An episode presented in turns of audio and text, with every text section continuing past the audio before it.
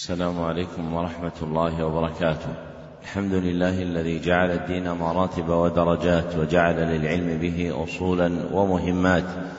وأشهد أن لا إله إلا الله حقا وأشهد أن محمدا عبده ورسوله صدقا.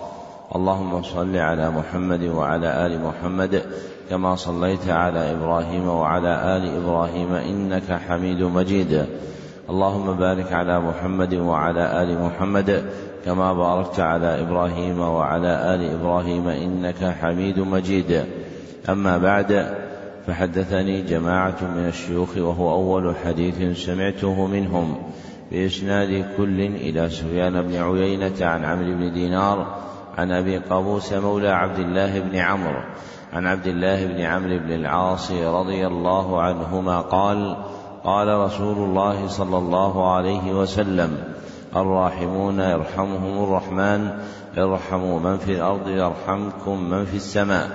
ومن آكد الرحمة رحمة المعلمين بالمتعلمين في تلقينهم أحكام الدين وترقيتهم في منازل اليقين. ومن طرائق رحمتهم إيقافهم على مهمات العلم بإقراء أصول المتون وتبيين مقاصدها الكلية ومعانيها الإجمالية. يستفتح بذلك المبتدئون تلقيهم ويجد فيه المتوسطون ما يذكرهم ويطلع منه المنتهون إلى تحقيق مسائل العلم. وهذا المجلس الثاني في شرح الكتاب الثاني عشر من برنامج مهمات العلم في سنته الخامسة خمس وثلاثين بعد الأربعمائة والألف. وهو كتاب الورقات في أصول الفقه للعلامة عبد الملك ابن عبد الله الجويني المتوفى سنة ثمان وسبعين وأربعمائة. وقد انتهى بنا البيان إلى قوله والفقه أخص من العلم. نعم. الحمد لله رب العالمين وصلى الله وسلم على نبينا محمد وعلى آله وصحبه أجمعين. اللهم اغفر لشيخنا ولوالديه ولمشايخه وللمسلمين أجمعين.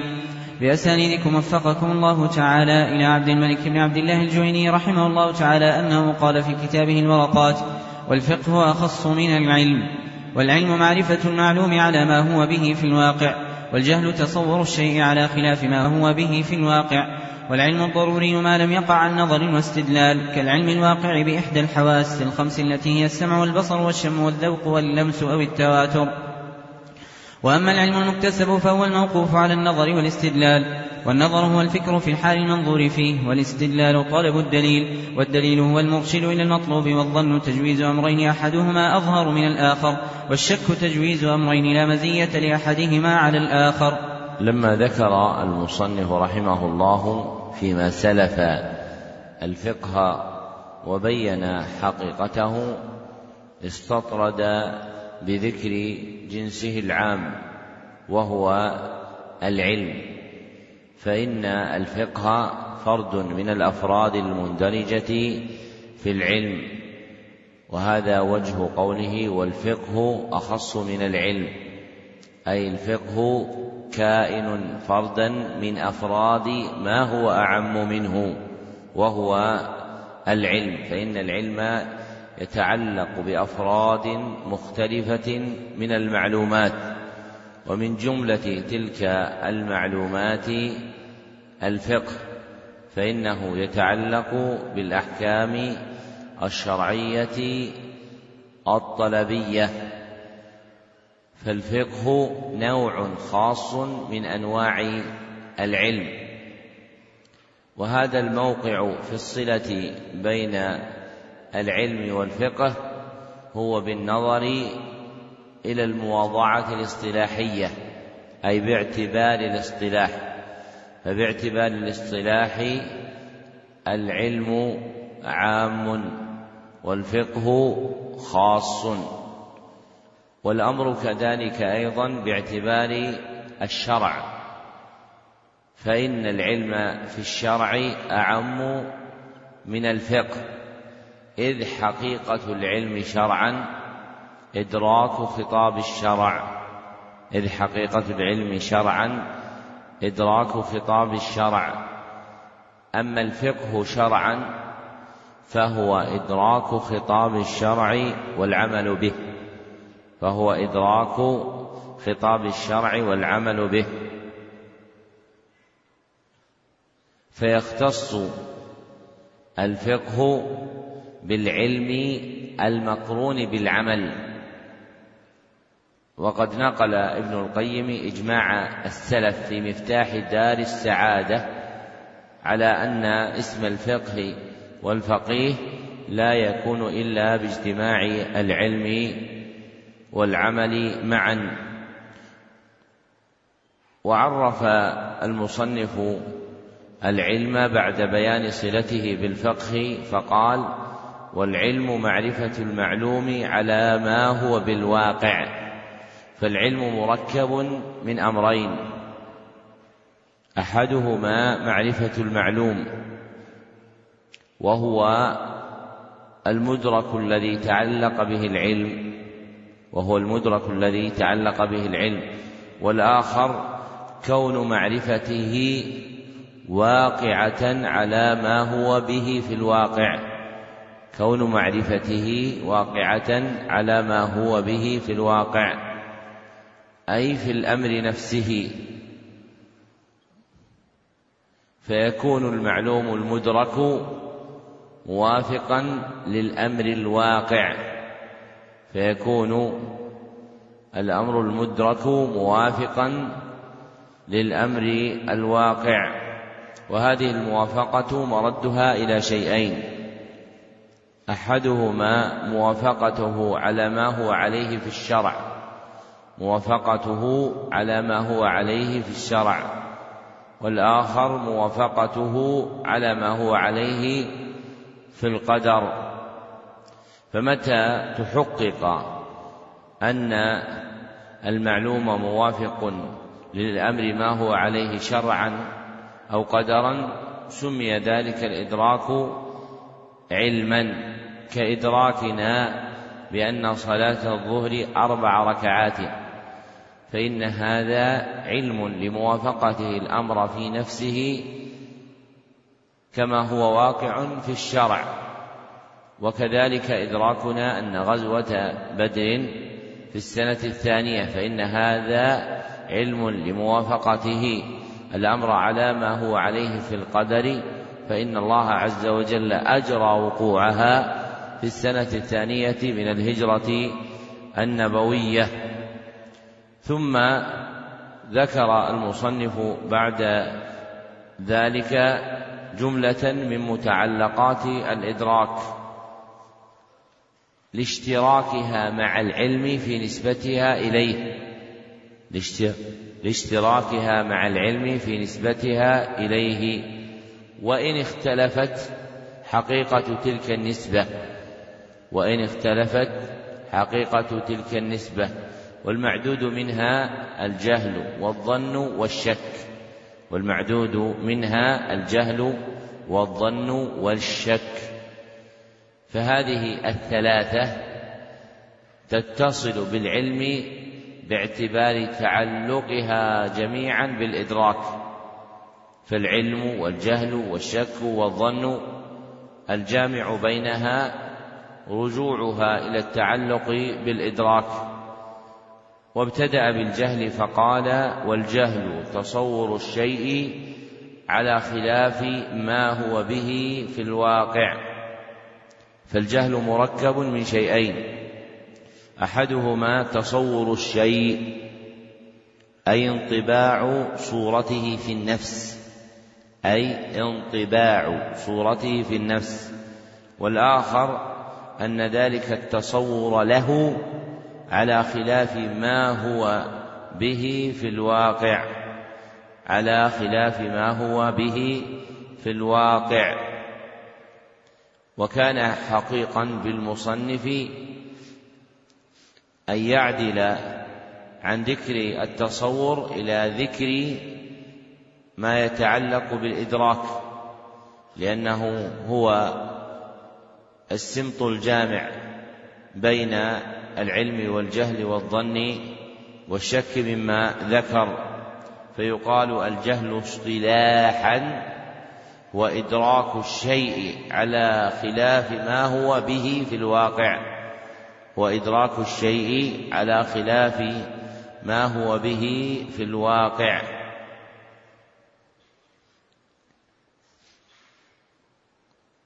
وهذا الإدراك على خلاف ما هو عليه في الواقع له نوعان. وهذا الإدراك للشيء على خلاف ما هو به في الواقع نوعان. أحدهما عدم الإدراك بالكلية فيكون الإدراك فيه عدما على الحقيقة فيكون الإدراك فيه عدما على الحقيقة. ويسمى الجهل البسيط ويسمى الجهل البسيط. والآخر إدراك الشيء على خلاف ما هو عليه. إدراك الشيء على خلاف ما هو عليه. ويسمى الجهل المركب. ويسمى الجهل المركب. فالجهل ينقسم إلى هذين القسمين. الجهل البسيط والمركب. والفرق بينهما أنه لا يوجد إدراك في الجهل البسيط. أما الجهل المركب فيوجد فيه إدراك متوهم لا حقيقة له. فالمثال السالف ذكره. من تعيين سنة وقوع بدر إذا كان المدرك مسلوب المعرفة بوقوعها على ما هي عليه في الواقع في أي سنة بأن يسأل فيقال له متى وقعت غزوة بدر فيقول لا أدري فإن هذا يسمى جهلا بسيطا. لسلب الإدراك منه فإن قال وقعت غزوة بدر في السنة العاشرة سمي جهلا مركبا لأن الإدراك فيه موجود على وجه متوهم لا حقيقة له. والأوفق أن لا يسمى هذا جهلا. بل يسمى تخيلا بل يسمى تخيلا لوجود إدراك فيه لوجود إدراك فيه لكن على وجه متوهم لا حقيقة له. فتلخص من هذا أن الجهل البسيط هو عدم الإدراك. والجهل المركب هو عدم الإدراك للشيء على ما هو عليه بل على وجه آخر متوهم ويسمى تخيلا. فالمعرفة فالإدراك الواقع للعبد فيه زيف لا صحة له وهو يخيل إليه أنه مدرك وأن له اطلاعا على الأمر على ما هو عليه في الواقع ويكون الأمر خلاف ذلك. ثم لما فرغ من حد الجهل رجع إلى بيان أقسام العلم وذكر معاني ما تتوقف عليه القسمة فقال والعلم الضروري ما لم يقع عن نظر واستدلال إلى آخره. فالعلم باعتبار طرق حصوله نوعان. فالعلم باعتبار طرق حصوله نوعان. أحدهما أفصح عنه المصنف فقال والعلم الضروري إلى آخره. والآخر أشار إليه ضمنا فقال وأما العلم المكتسب فهو الموقوف إلى آخره. فالعلم حينئذ نوعان. أحدهما العلم الضروري. أحدهما العلم الضروري. والآخر العلم النظري. فأما العلم الضروري فهو ما وقع. وقوعا تذعن له النفس وتقر به. هو ما وقع وقوعا تذعن به النفس وتقر به فلا يفتقر إلى نظر واستدلال. وهذا معنى قوله ما لم يقع عن نظر واستدلال فهو يهجم على قلب العبد ويتمكن فيه الإدراك دون حاجة إلى نظر واستدلال وضرب له مثلين. أولهما العلم الواقع بإحدى الحواس الخمس الظاهرة. العلم الواقع بإحدى الحواس الخمس الظاهرة السمع والبصر والشم والذوق واللمس. فالعلم الواقع بواسطة واحدة من هذه الحواس يسمى علما ضروريا. كإدراكنا أن النار حارة باللمس. وثانيهما العلم الواقع بالتواتر. العلم الواقع بالتواتر. فلاستفاضة الأمر وشهرته وكثرة نقله صار متمكنا من النفس من غير حاجة إلى نظر واستدلال. كعلمنا بوجود مكة والمدينة فإن العلم بوجودهما مستفيض عند المسلمين فإن كل مسلم يقع في قلبه العلم بوجودهما دون تطلب البحث عن موضعهما ولو موقعهما من الأرض لشهرتهما عند المسلمين. وأما العلم النظري فهو الموقوف على النظر والاستدلال فهو مفتقر إليهما ناتج عنهما فيحتاج فيه إلى نظر واستدلال فيحتاج فيه إلى نظر واستدلال. وأضيف إلى الأول منهما عن النظر لأنه هو المقدمة للاستدلال.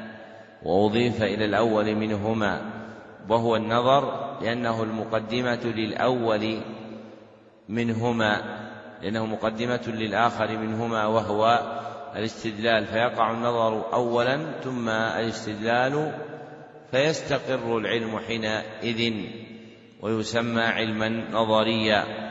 ثم عرف النظر وأتبعه بتعريف الاستدلال والدليل فقال والنظر هو الفكر في حال المنظور فيه هو النظر في حال هو الفكر في حال المنظور فيه.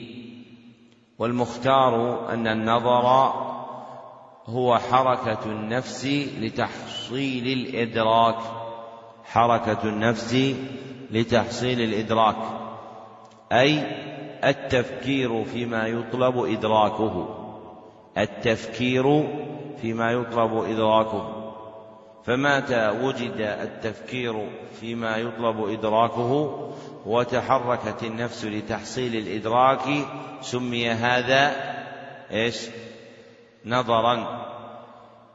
كالحال الواقعة لأحدكم إذا ألقيت عليه مسألة فإنه يتطلب إدراك جوابها بتحريك فكره رجاء الوصول إلى جوابها. فتلك الحركة المتعلقة بإدراكه تسمى إيش؟ نظرا. وأما حد الاستدلال فقد ذكره المصنف بقوله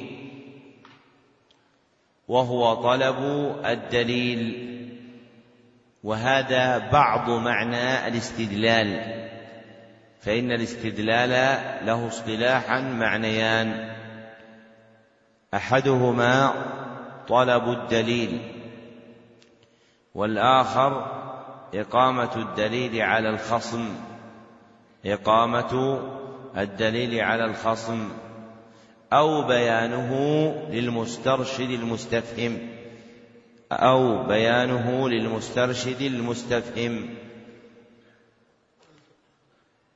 فيكون الاستدلال تارة متعلقا بطلب الدليل أي التماسه ويكون تارة متعلقا بإقامته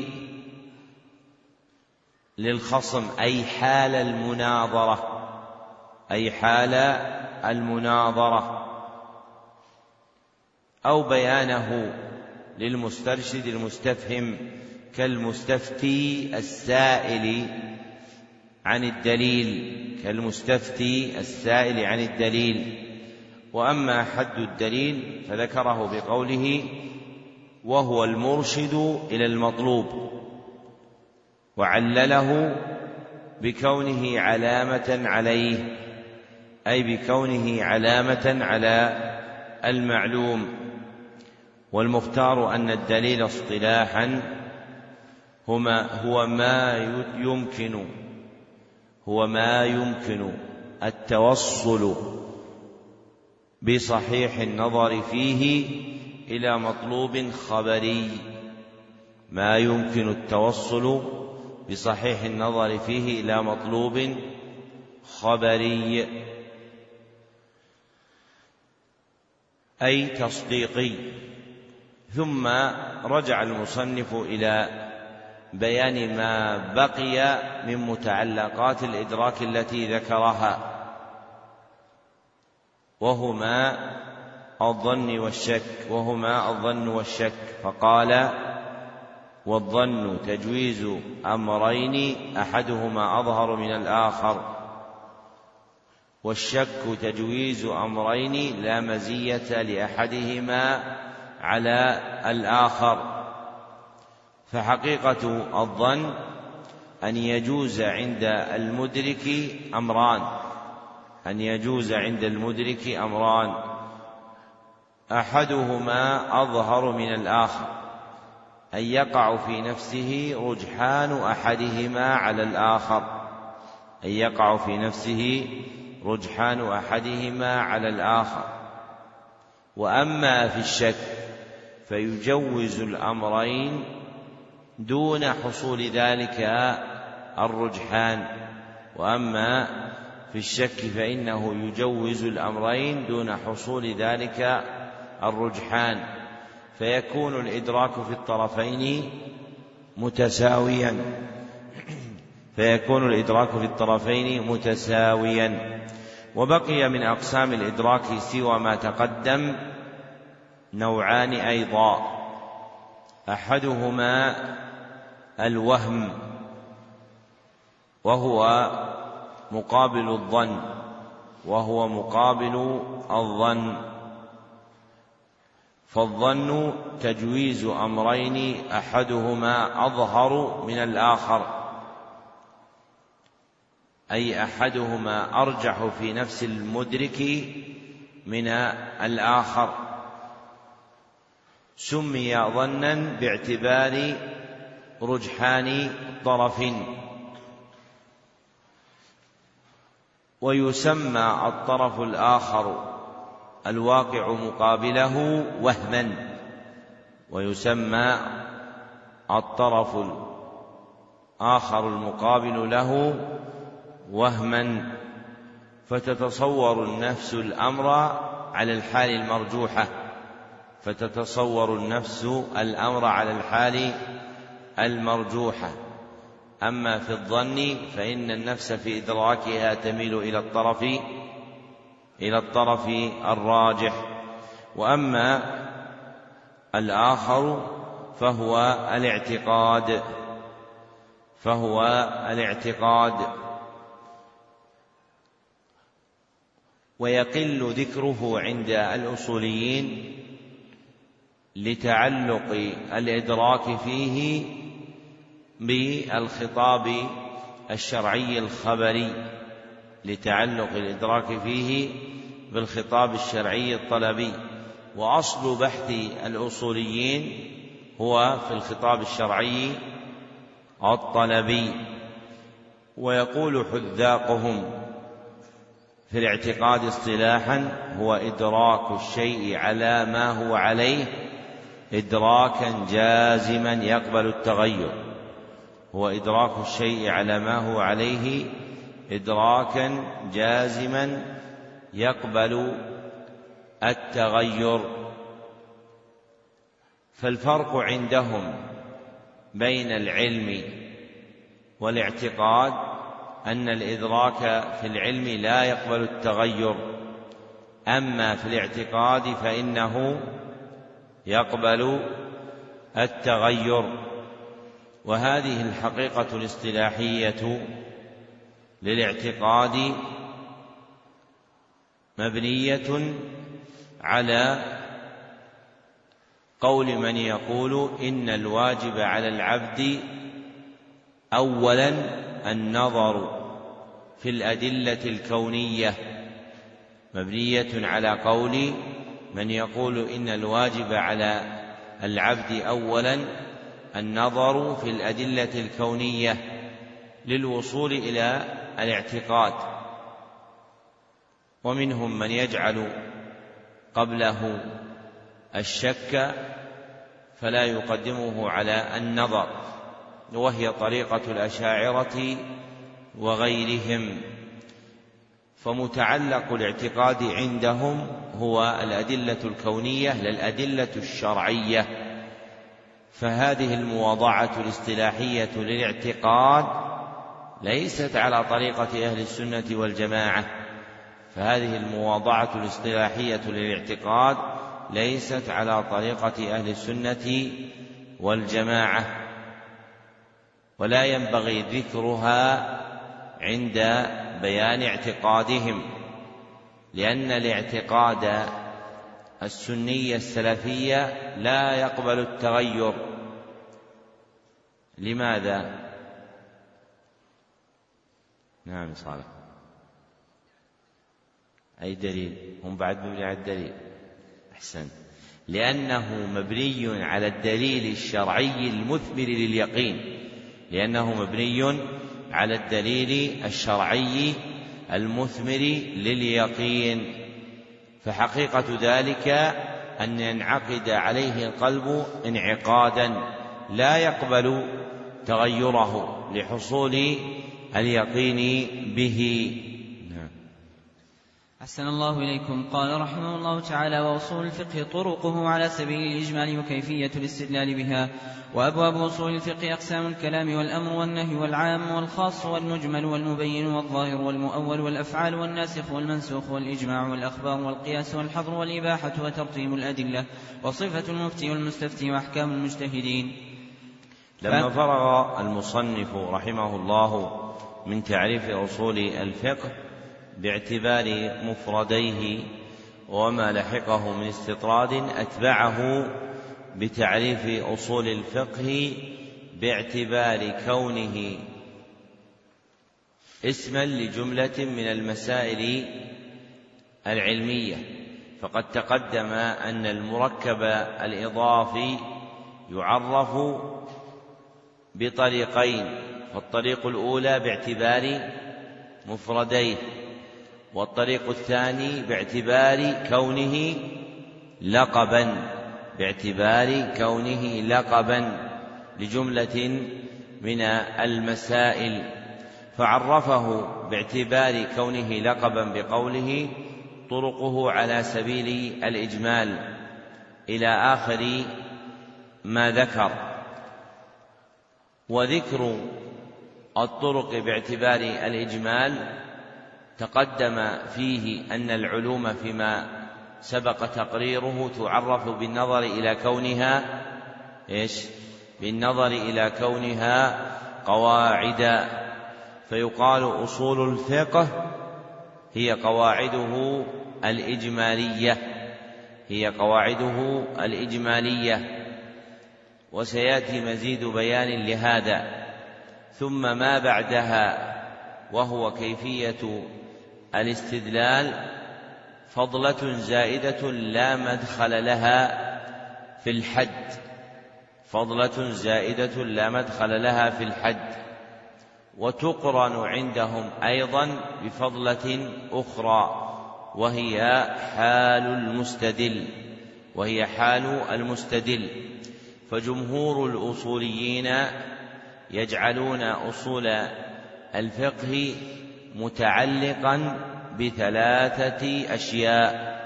فجمهور الأصوليين يجعلون الفقه متعلقا بثلاثة أشياء. أحدها طرق الفقه. أحدها طرق الفقه. وثانيها كيفية الاستدلال. أي كيفية الاستدلال بها. من جهة تعيينها وتعلقها بحكم ما أي كيفية الاستدلال بها من جهة تعيينها وتعلقها بحكم ما وثالثها حال المستدل وهو المستعمل لتلك الطرق وهو عندهم المجتهد. وهو عندهم المجتهد والموافق للنظر هو أن أصول الفقه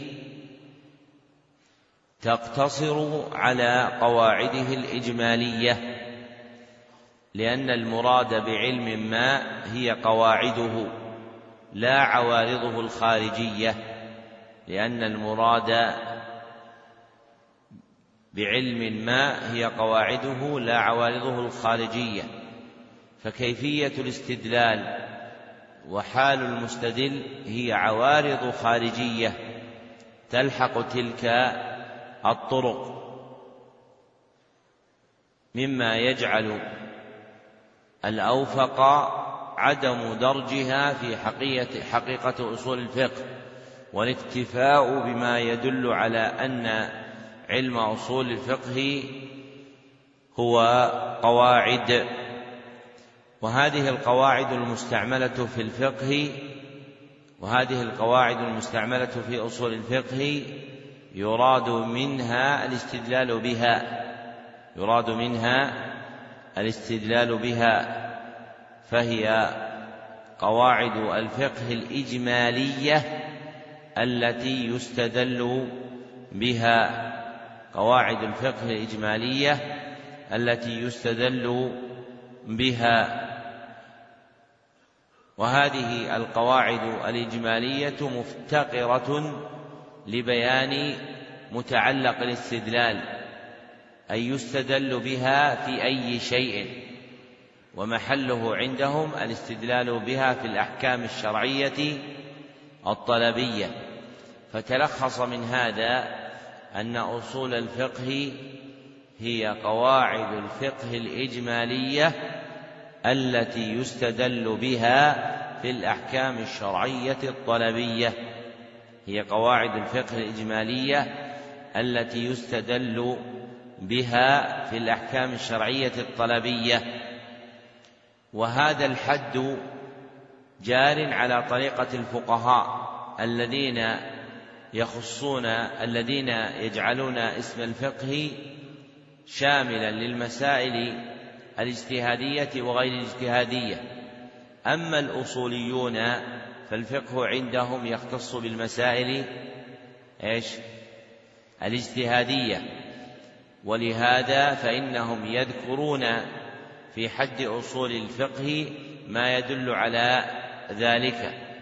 فيقول الأصوليون أصول الفقه هي قواعد الفقه الإجمالية التي يستدل بها في الأحكام الشرعية الطلبية المكتسبة عن طريق الاجتهاد المكتسبة عن طريق الاجتهاد لأن اسم الفقه عندهم يختص بالاجتهاد فقط لأن اسم الفقه عندهم يختص بالاجتهاد فقط. فما عدا ذلك فإنه لا يسمى فقها. وتقدم أن بيان حقيقة الفقه الاصطلاحية يعول فيها على من؟ يعول يعول فيها على الفقهاء. لأنهم هو أهل ذلك الفن. فأصول الفقه تتعلق بالمسائل الاجتهادية وغير الاجتهادية. فأصول الفقه تتعلق بالمسائل الاجتهادية وغير الاجتهادية مع اختلاف المنفعة منها في كل مع اختلاف المنفعة منها في كل.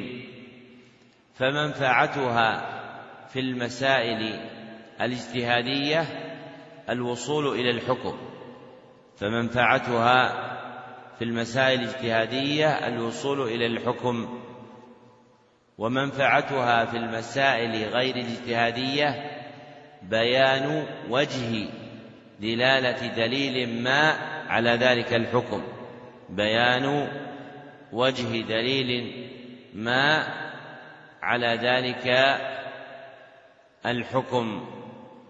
فمثلا من المسائل غير الاجتهادية عدة الصلوات في اليوم والليلة. فإن الصلوات في اليوم والليلة هي خمس. فإذا ذكر دليل ما من القرآن أو السنة ثم بين وجه دلالته على الحكم واستعملت في ذلك قواعد الفقه الإجمالية كان موقعها من الحكم أنها مبينة كيفية دلالة تلك الآية أو الحديث على الصلوات الخمس أما في المسألة الاجتهادية فإنها توصل إلى إيش؟ إلى الحكم توصل إلى الحكم فتعرف به لأن المسائل الاجتهادية الحكم لأن المسائل غير الاجتهادية الحكم فيها إيش؟ بين واضح جلي لكن المسائل الاجتهادية تفتقر إلى بيان الحكم وأبواب أصول الفقه كثيرة ساق المصنف جملة منها وهي أكثر مما ذكر لكنه أراد بما ذكره الإشارة إلى فصول ما تضمنه كتابه. فالمذكور ها هنا هو الذي نشره المصنف رحمه الله في ما يستقبل من كتابه. وأصول الفقه علم نافع لكن يتقى منه الشذور المشغلة والفروع المذهلة التي أدخلت فيه مما لا طائل تحتها فإن هذا العلم داخلته علوم مختلفة فتسريح النظر معها وإطالته في تفاصيل جملها يؤدي إلى الشغل بما لا نفع منه. ذكر هذا المعنى الشاطبي في الموافقات وابن القيم في إعلام الموقعين. نعم. أحسن الله إليكم. قال رحمه الله تعالى فأما أقسام الكلام فأقل ما يتركب منه الكلام اسمان أو اسم وفعل أو اسم وحرف أو فعل وحرف. والكلام ينقسم إلى أمر ونهي وخبر واستخبار. وينقسم أيضا إلى تمن وعرض وقسم ومن وجه آخر ينقسم إلى حقيقة ومجاز. فالحقيقة ما بقي في الاستعمال على موضوعه وقيل ما استعمل في مصدر حاله من المخاطبة. والمجاز ما تجوز به عن موضوعه والحقيقة إما لغوية وإما شرعية وإما عرفية. والمجاز إما أن يكون بزيادة أو نقصان أو نقل أو استعارة. فالمجاز بالزيادة مثل قوله تعالى ليس كمثله شيء وهو السميع البصير. والمجاز بالنقصان مثل قوله تعالى واسأل القرية. والمجاز بالنقل كالغائط فيما يخرج من الإنسان. والمجاز بالاستعارة كقوله تعالى جدارا يريد أن ينقض. ذكر المصنف رحمه الله هنا أقسام الكلام. لأن خطاب الشرع مرده إلى الكلام لأن خطاب الشرع مرده إلى الكلام. وذكر المصنف نبذة منه تتعلق بجملة من أحكامه فذكر تقسيم الكلام بثلاثة اعتبارات. أولها تقسيم الكلام باعتبار ما يتركب منه. تقسيم الكلام باعتبار ما يتركب منه. وهو المذكور في قوله فأقل ما يتركب منه الكلام اسمان أو اسم وفعل إلى آخره. فالكلام يتركب من هذه المسالك الأربعة. فمثلا الحديث المخرج عند مسلم من حديث من حديث تميم الداري رضي الله عنه أن رسول الله صلى الله عليه وسلم قال الدين النصيحة.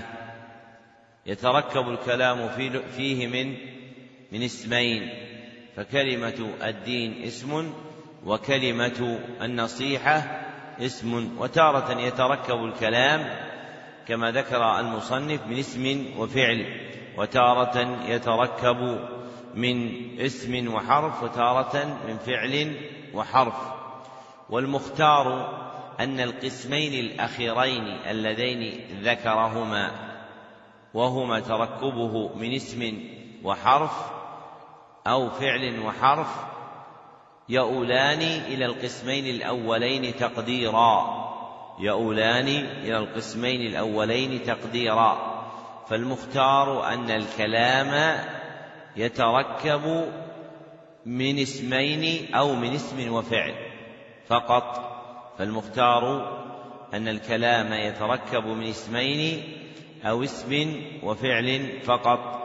وما خرج عنهما في الصورة الظاهرة فإنه يؤول إليهما تقديرا في الصورة الباطنة فإنه يؤول إليهما تقديرا في الصورة الباطنة.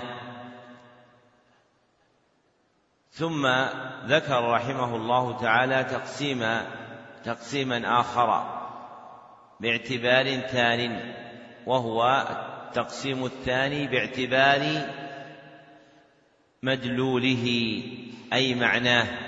باعتبار مدلول الكلام أي معناه وهو المذكور في قوله والكلام ينقسم إلى أمر ونهي وخبر واستخبار وينقسم أيضا إلى تمن وعض وقسم. والذي عليه المحققون هو أن الكلام باعتبار مدلوله ينقسم إلى نوعين. أحدهما الخبر والآخر الإنشاء. أحدهما الخبر والآخر الإنشاء. والخبر عندهم ما يحتمل الصدق والكذب لذاته. والخبر عندهم ما يحتمل الصدق والكذب لذاته. وأما الإنشاء فما لا يحتمل ذلك. وأما الإنشاء فما لا يحتمل ذلك. هذا هو المشهور عندهم. والصحيح أن الخبر هو قول يقبل أو يلزمه يلزمه الصدق أو الكذب. قول يلزمه الصدق أو الكذب. أما الإنشاء فهو قول لا يلزمه. الصدق أو الكذب. حقق هذا ابن الشاط في تهذيب الفروق وهو الموافق للنظر وهو الموافق للنظر. فما ذكره الجمهور من حقيقة الخبر والإنشاء ترد عليها اعتراضات. وهذان النوعان يجمعان الأفراد المتقدمة وهذان النوعان يجمعان الأفراد المتقدمة في كلام المصنف. فمثلا قوله الأمر والنهي يرجع إلى الإنشاء لأنه قول لا يلزمه الكذب ولا الصدق. ثم ذكر الاعتبار الثالث وهو تقسيم الكلام باعتبار استعماله في قوله ومن وجه آخر ينقسم إلى حقيقة ومجاز إلى آخر ما ذكر فالكلام باعتبار استعماله ينقسم إلى نوعين أحدهما الحقيقة والآخر إيش؟ المجاز ثم عرف الحقيقة بتعريفين. الأول ما بقي في الاستعمال على موضوعه. ما بقي في الاستعمال على موضوعه. أي في المعنى الذي وضع له. أي في المعنى الذي وضع له. والثاني ما استعمل فيما اصطلح عليه من المخاطبة ما استعمل فيما اصطلح عليه من المخاطبة. والتعريف الثاني كالبيان للأول لأن ما اصطلح عليه من المخاطبة هو الاستعمال لأن ما اصطلح عليه من المخاطبة هو الاستعمال. ومحله اللسان المتعارف عليه فيها ومحله اللسان المتعارف عليه فيها سواء في اللغة أو العرف أو الشرع كما سيأتي. فالمختار أن الحقيقة اصطلاحا هي ما استعمل فيما اصطلح عليه في لسان المخاطبة هي ما استعمل فيما اصطلح عليه في لسان المخاطبة. ثم ذكر للمجاز تعريفا واحدا فقال ما تجوز به عن موضوعه أي ما تعدي به عما وضع له أي ما تعدي به عما وضع له. ولم يبين محل التجوز به والمختار في المجاز وقوعه مقابل الحقيقة المتقدمة. فالمجاز اصطلاحا هو ما استعمل في غير ما اصطلح عليه في لسان المخاطبة. هو ما استعمل في غير ما اصطلح عليه في لسان المخاطبة. ثم ذكر قسمة الحقيقة إلى ثلاثة أقسام. فذكر أن الحقيقة إما لغوية وإما شرعية وإما عرفية. فالحقيقة اللغوية هي ما استعمل فيما اصطلح عليه من لسان المخاطبة في اللغة. هي ما استعمل فيما اصطلح عليه من لسان المخاطبة في اللغة والحقيقة الشرعية هي ما استعمل فيما اصطلح عليه من لسان المخاطبة في الشرع. والحقيقة العرفية هي ما استعمل فيما اصطلح عليه من المخاطبة في العرف ثم ذكر المصنف بعد أقسام المجاز فقال والمجاز إما أن يكون بزيادة أو نقصان إلى آخره. وهذه القسمة هي قسمة المجاز الذي هو مجاز الكلمة. قسمة المجاز الذي هو مجاز الكلمة لأن المجاز باعتبار أصله ينقسم إلى نوعين. ينقسم إلى نوعين. أحدهما المجاز الإسنادي المجاز الإسنادي وهو المتعلق بتركيب الكلام. والآخر المجاز بالكلمة وهو المتعلق بكلمة بعينها وهو المتعلق بكلمة بعينها. وأنواعه هي التي ذكرها المصنف. فأنواع المجاز بالكلمة أربعة. فأنواع المجاز بالكلمة أربعة. أولها المجاز بالزيادة. كقوله تعالى ليس كمثله شيء. كقوله تعالى ليس كمثله شيء. فالكاف هنا زائدة. عندهم. فأصل الكلام ليس مثله مثله شيء. ليس مثله شيء. فسموا هذا مجازا بالزيادة. والمختار أنه لا يقال في شيء من القرآن زائد. والمختار أنه لا يقال في شيء من القرآن زائد. ذكره الزركشي في كتاب البرهان وابن هشام في الإعراب عن قواعد الإعراب في آخرين من أهل العلم. والمختار في الكاف المذكورة في الآية حينئذ أن يقال إنها صلة لتأكيد النفي. إنها صلة لتأكيد النفي. اختاره أبو حيان الأندلسي في تفسيره. وثانيها المجاز بالنقصان مثل قوله واسأل القرية والمراد بالنقصان الحذف فتقدير الكلام واسأل أهل القرية وهذان النوعان المجاز بالزيادة والنقصان لا يسميهما كثير من أهل العلم مجازا ولا يدخلانهما في اسم المجاز. وأما ثالثها فهو المجاز بالنقل كالغائط اسما لما يخرج من الإنسان. كالغائط اسما لما يخرج من الإنسان.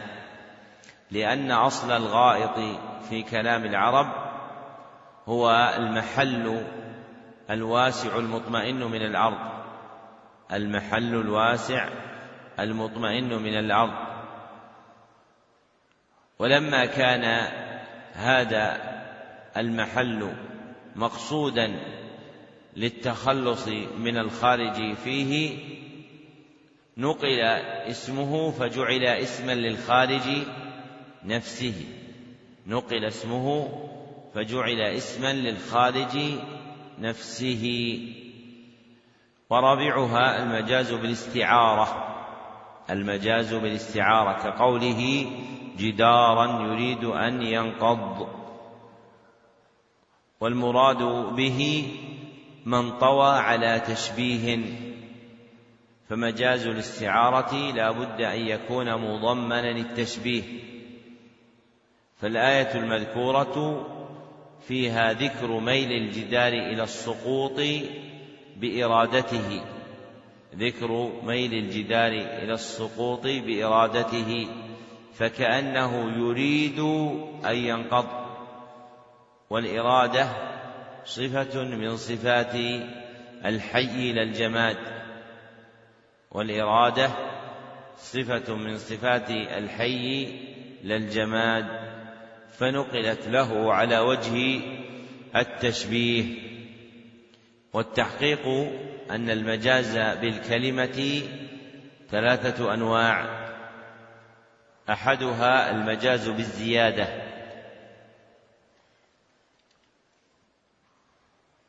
وثانيها المجاز بالحذف الذي سماه المصنف وغيره المجاز بالنقصان. وثالثها المجاز بالاستعارة. أما مجاز النقل فليس قسيما لها. أما مجاز النقل فليس قسيما لها بل هو وصف جامع لها. بل هو وصف جامع لها. فإن النقل موجود في هذه الأنواع الثلاثة. فمثلا النوع الأول المجاز بالزيادة الذي ذكره هو ليس كمثله شيء فأصله قبل ليس مثله شيء ثم نقل من هذا الأصل بالزيادة فيه. فالنقل وصف يسلط على هذه الأنواع الثلاثة وإثبات المجاز ونفيه من المسائل الكبار. وأحسن ما يقال فيه إن المجاز ثابت مع وجود القرينة. إن المجاز ثابت مع وجود القرينة. فمتى وجدت القرينة صح وقوع المجاز؟ فمتى وجدت القرينة صح وقوع المجاز؟ ومتى عدمت القرينة لم يصح قول لم يصح القول بالمجاز. وهذا المذهب متوسط بين المنكرين للمجاز بإطلاق وبين المثبتين له بإطلاق. فلا ينفى من كل وجه بكل حال ولا يثبت من كل وجه بكل حال. بل يثبت المجاز متى وجدت القرينة فالمجاز الموافق للنظر هو المجاز المصحوب بقرينة فإن هذا يصح وجوده فإن هذا يصح وجوده وهو اختيار أبي العباس ابن تيمية الذي صرح به في الرسالة العراقية. مما هو في التحفة العراقية من تصانيفه التي بأيدينا. وكذا في الرسالة المدنية من كلام له نقله عنه الجمال القاسمي في تفسيره. من كلام له نقله الجمال القاسمي عنه في تفسيره. فهذا هو الذي يظهر إثباته عنه لأن له كلاما منتشرا في المسألة تارة بالإبطال للمجاز كله وتارة برده إلى هذا والأشبه الموافق للنظر رده إلى هذا وهو إثبات المجاز المصحوب بالقرينة فإذا خلا المجاز من القرينة صار إثباته إيش؟ صحيح أم غير صحيح؟ صار إثباته غير صحيح من الأمثلة المشهورة على ذلك آيات الصفات وأحاديثها فإن المخالف في إثباتها يسلط عليها إيش؟ المجاز فكيف يرد عليه؟ إيش عدم القرينة طيب ما الدليل على عدم القرينة؟ ها؟ إيش؟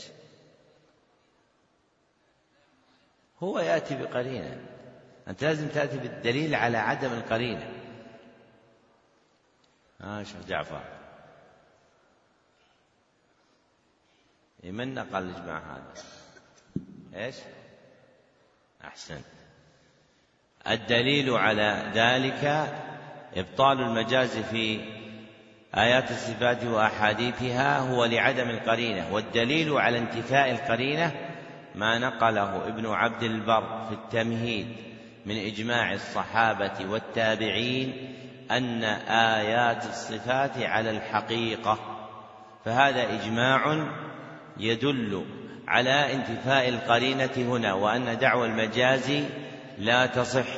لبطلان القرينة المدعاة. نعم. أحسن الله إليكم. قال رحمه الله تعالى والأمر استدعاء الفعل بالقول ممن هو دونه على سبيل الوجوب وصيغته افعل وهي عند الإطلاق والتجرد عن القرينة تحمل عليه إلا ما دل الدليل على أن المراد منه الندب أو الإباحة ولا يقتضي التكرار على الصحيح إلا ما دل الدليل على قصد التكرار ولا يقتضي الفور والأمر بإيجاد الفعل أمر به وبما لا يتم الفعل إلا به كالأمر بالصلاة أمر بالطهارة المؤدية إليها وإذا فعل يخرج المأمور عن العهدة. ذكر المصنف رحمه الله هنا فصلا آخر من فصول أصول الفقه وهو الأمر وهذا شروع منه في مقاصد أصول الفقه ومطالبه العظام وعرف الأمر بقوله استدعاء الفعل بالقول ممن هو دونه على سبيل الوجوب والمراد بالاستدعاء هو الطلب والمراد بالاستدعاء هو الطلب جازما أو غير جازم. وذكره لا يخلو من المنازعة فإن الأمر لا يخص بالاستدعاء القولي فإن الأمر لا يخص بالاستدعاء القولي بل يقع بالكتابة بل يقع بالكتابة فإن الكتابة تنوب عنه فإن الكتابة تنوب عنه. ومنه ما في الصحيح في قصة السرية التي دفع النبي صلى الله عليه وسلم إلى أميرها كتابا فأمره ألا يفتحه حتى يبلغ موضع كذا وكذا.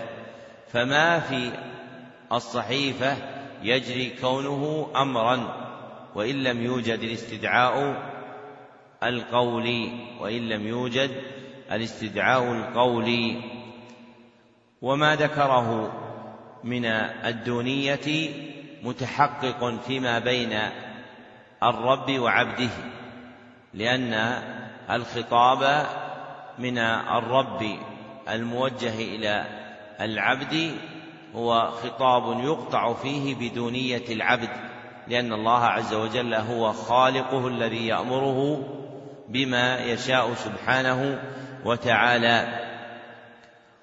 وقوله على سبيل الوجوب لا يراد به ما يفيده الأمر من الحكم. لا يراد به ما يفيده الأمر من الحكم.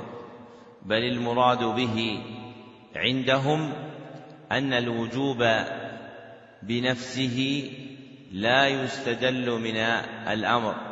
أن الوجوب بنفسه لا يستدل من الأمر. بل لا بد من قرينة تدل عليه. بل لا بد من قرينة تدل عليه وهو مبني على اعتقاد الأشاعرة في أن الكلام معنى قائم بذات الله في أن كلام الله معنى قائم بذات الله وأنه ليس بحرف وصوت. فإثباتهم هذا المعنى استدعى أن يقولوا على سبيل الوجوب. وكما قالوه في حد الأمر قالوه في حد النهي أيضا. فلا يراد به ما يفيده الأمر لأنه لو كان كذلك لأنه لو كان كذلك لم يذكروه فيما يفيده النهي. لأن النهي لا يفيد الوجوب وإنما يفيد إيش؟ التحريم. فهم لا يريدون ما يفيده الأمر من الحكم وهو الوجوب وإنما يريدون الافتقار إلى قرينة تدل على المراد بالأمر وإنما يريدون الافتقار إلى قرينة تدل على الأمر لأن الأمر والنهي عندهم واحد فهو متعلق ب ذات متعلق بالمعنى القائم بذات الله عز وجل من الكلام فلا يتبين كونه امرا ولا كونه نهيا إلا بقرينة. فذكر هذا في الحد جار على أصولهم والمختار أن الأمر هو خطاب الشرع المقتضي طلب الفعل. خطاب الشرع المقتضي طلب الفعل. فمتى وجد في خطاب الشرع طلب إيقاع الفعل سمي هذا أمرا وأورد المصنف صيغة الأمر وأراد بها الصيغة الصريحة لأن الأمر له نوعان من الصيغ لأن الأمر له نوعان من الصيغ أحدهما الصيغ الصريحة ولا تحصر في افعل. بل يجمعها قول شيخ شيوخنا حافظ الحكمي في سبيل الحصول أربع ألفاظ بها الأمر دري. أربع ألفاظ بها الأمر دري. افعل لتفعل. اسم فعل مصدري. افعل لتفعل اسم فعل مصدري والآخر الصيغ غير الصريحة. الدالة على الطلب باعتبار وضع الشارع. الصيغ غير الصريحة الدالة على الأمر باعتبار وضع الشارع. ككلمة حق فإنها في الوضع الشرعي تدل على الأمر. ولابن القيم رحمه الله تعالى كلام نافع في بيان صيغ الأمر غير الصريحة ذكره في بدائع الفوائد.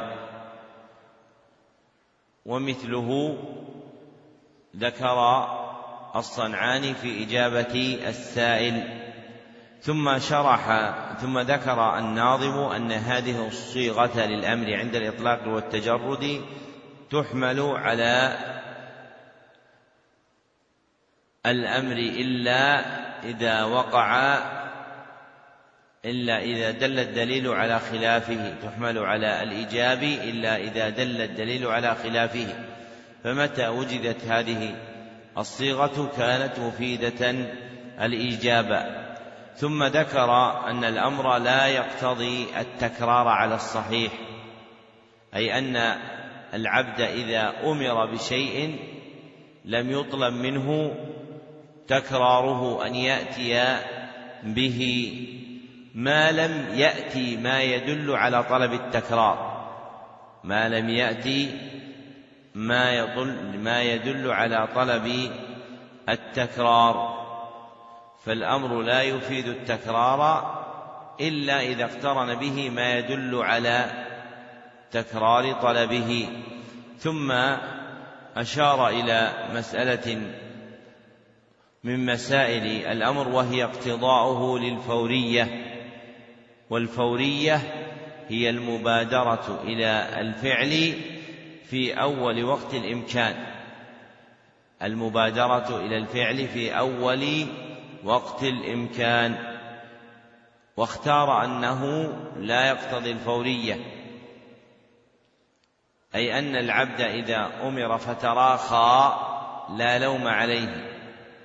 والصحيح أن الأمر للفورية فهو يقتضي الفور لاندراجها فيما أمر الله به من المسابقة والمسارعة لاندراجها فيما أمر الله به من المسابقة والمسارعة. قال الله تعالى فاستبقوا الخيرات فمتى أمر العبد بعبد أمر العبد بأمر كان على الفور فيطلب منه تحصيله في أول وقت إمكان أدائه له.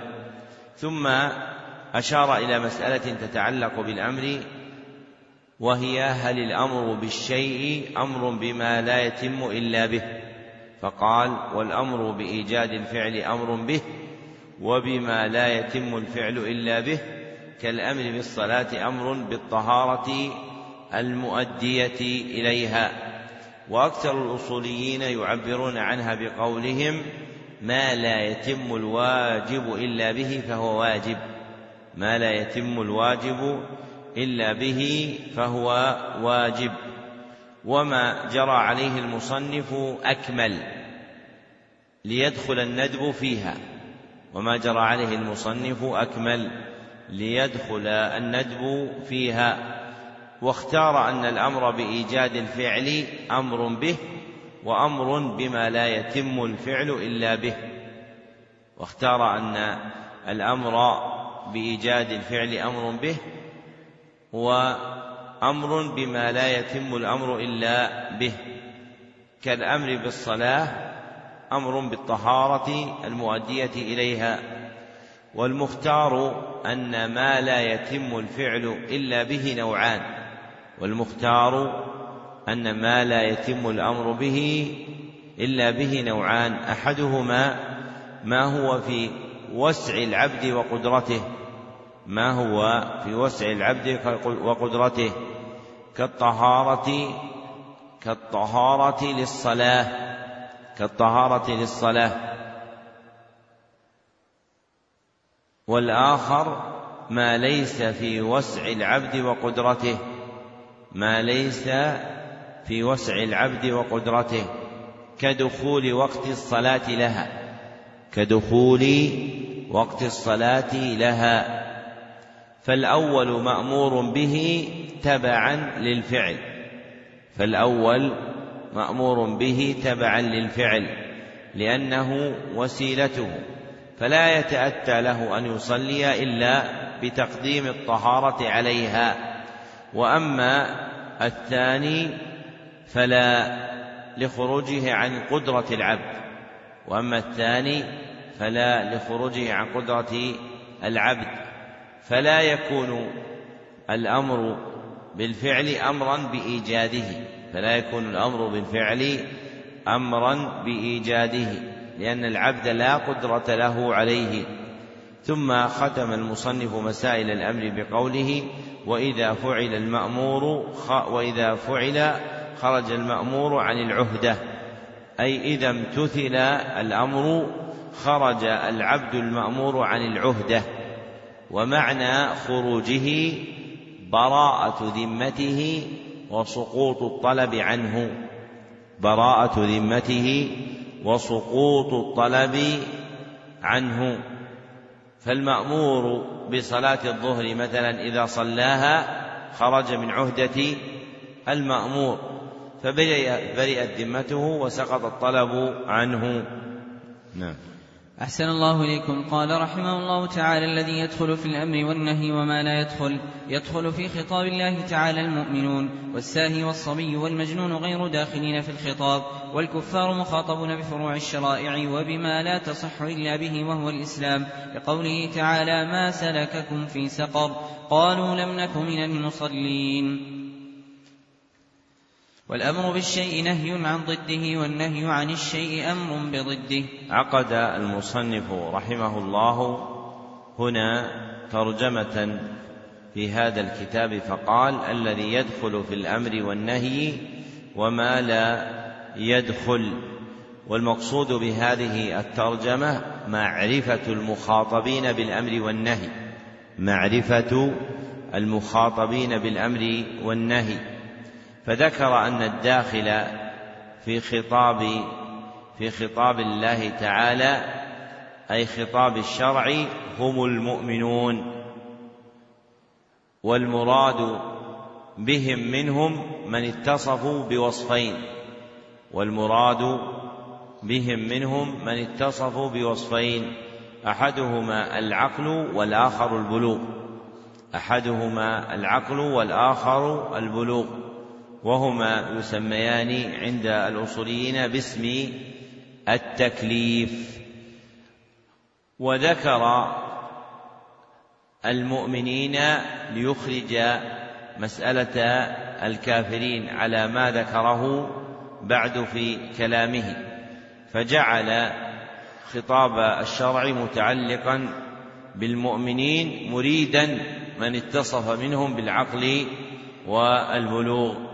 ثم ذكر من لا يدخل في الخطاب وهم الساهي والصبي والمجنون.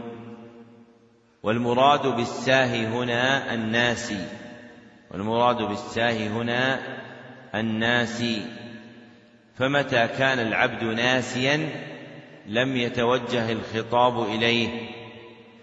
فإذا انتبه توجه الخطاب إليه. وأدى ما خطب به أو قضاه. ثم أشار إلى مسألة خطاب الكفار بفروع الشريعة فاختار أن الكفار مخاطبون بفروع الشريعة وبما لا تصح إلا به وهو الإسلام والتوحيد وهو الإسلام والتوحيد. فالمراد بالأصول هنا الاعتقادات والمراد بالفروع الأحكام الفقهيات وتقدم أن جعل الأصول اسما أن جعل الأصول والفروع اسما لهما لا يخلو من اعتراض عليه. كما بينه جماعة من المحققين منهم أبو العباس بن تيمية وتلميذه ابن القيم فإن الأحكام قد تكون اصولا وهي في الطلبيات مثل وجوب الصلوات الخمس فإن الصلوات الخمس هي من باب الفروع الفقهيات المسماة بالطلبيات وهي مع هذا من الأصول ولا تعد من الفروع. وأحسن شيء يقال في بيان الأصول والفروع أن أصول الدين هي مسائله التي لا تقبل الاجتهاد سواء في باب الخبر أو الطلب. أن أصول الدين هي مسائله التي لا تقبل الاجتهاد سواء في باب سواء في باب الخبر أو باب الطلب. أما الفروع فهي المسائل التي تقبل الاجتهاد سواء في باب الخبر أو الطلب. فإن هذا المعنى للأصول والفروع حق. فإن هذا المعنى للأصول والفروع حق. أما المعنى المتقدم الذي فيه تخصيص الأصول بالخبريات الاعتقاديات وتخصيص الفروع بالأحكام الفقهيات الطلبيات فهذا ليس صحيحا وزيفه من المحققين ابن تيمية النميري وتلميذه ابن القيم رحمهم الله تعالى. واختيار المصنف كما سلف هو أن الكفار مخاطبون بالشريعة كلها أصلا وفرعا وهذا هو الصحيح. فما جاء في خطاب الشريعة من باب الخبريات أو من باب الطلبيات فإن الكافر مخاطب به. ثم قال المصنف والأمر بالشيء نهي عن ضده والنهي عن الشيء أمر بضده. وهذه المسألة متعلقة بالأمر وكان حريا به أن يلحقها بمباحثه التي تقدمت وربما دعاه إلى تأخيرها وجود تعلق طرف منها بالنهي الذي سيذكره بعدها. فالمسألة فيها قدر يتعلق بالأمر وقدر يتعلق بالنهي. وقد صرح المصنف أن الأمر بالشيء نهي عن ضده وأن النهي عن الشيء أمر بضده.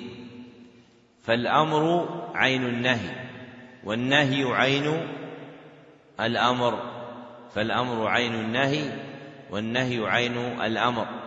وهذه المسألة مبنية عندهم على اعتقادهم في كلام الله.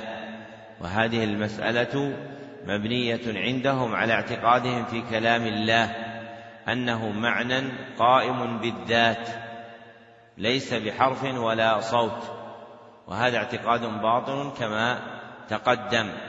فلما قالوا بهذا القول في كلام الله سبحانه وتعالى تعين حينئذ أن يكون الأمر بالشيء هو عين النهي عنه.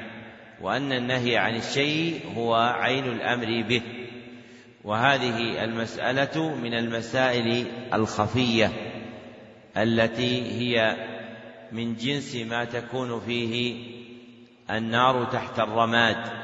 ذكره محمد الأمين الشنقيطي رحمه الله تعالى أي أنها مسألة تخفى لخفاء الأصل الذي بنيت عليه على كثير من المتكلمين في أصول الفقه فهم ينظرون إليها بقطعها عن أصلها ثم يذكرون ما يذكرون فيها من الخلاف.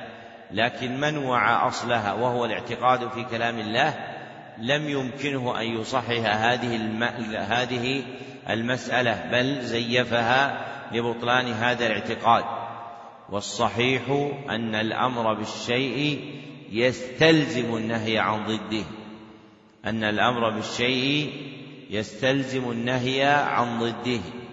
وأن النهي عنه يستلزم الأمر بضده. وأن النهي عنه يستلزم الأمر بضده.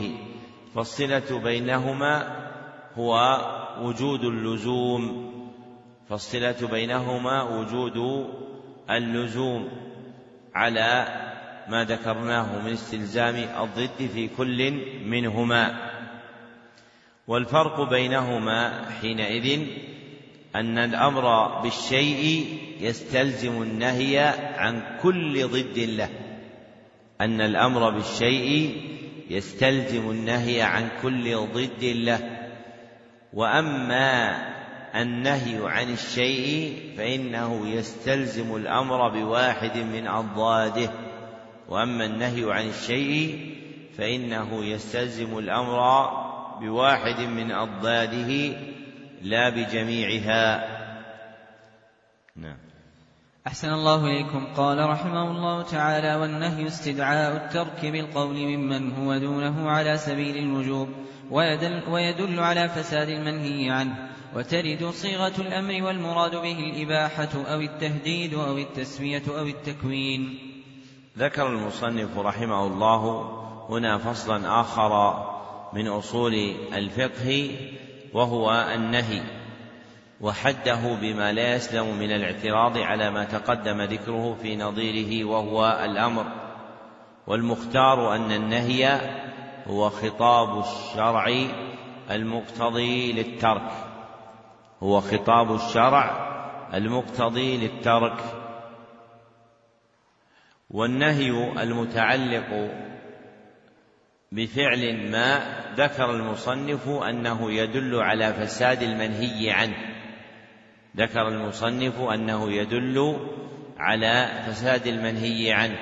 فإذا ورد النهي دل على أن المنهي عنه يكون فاسدا والمختار التفصيل في المسألة بأن يقال إن النهي المتعلق بالفعل يعود إلى واحد من أربعة.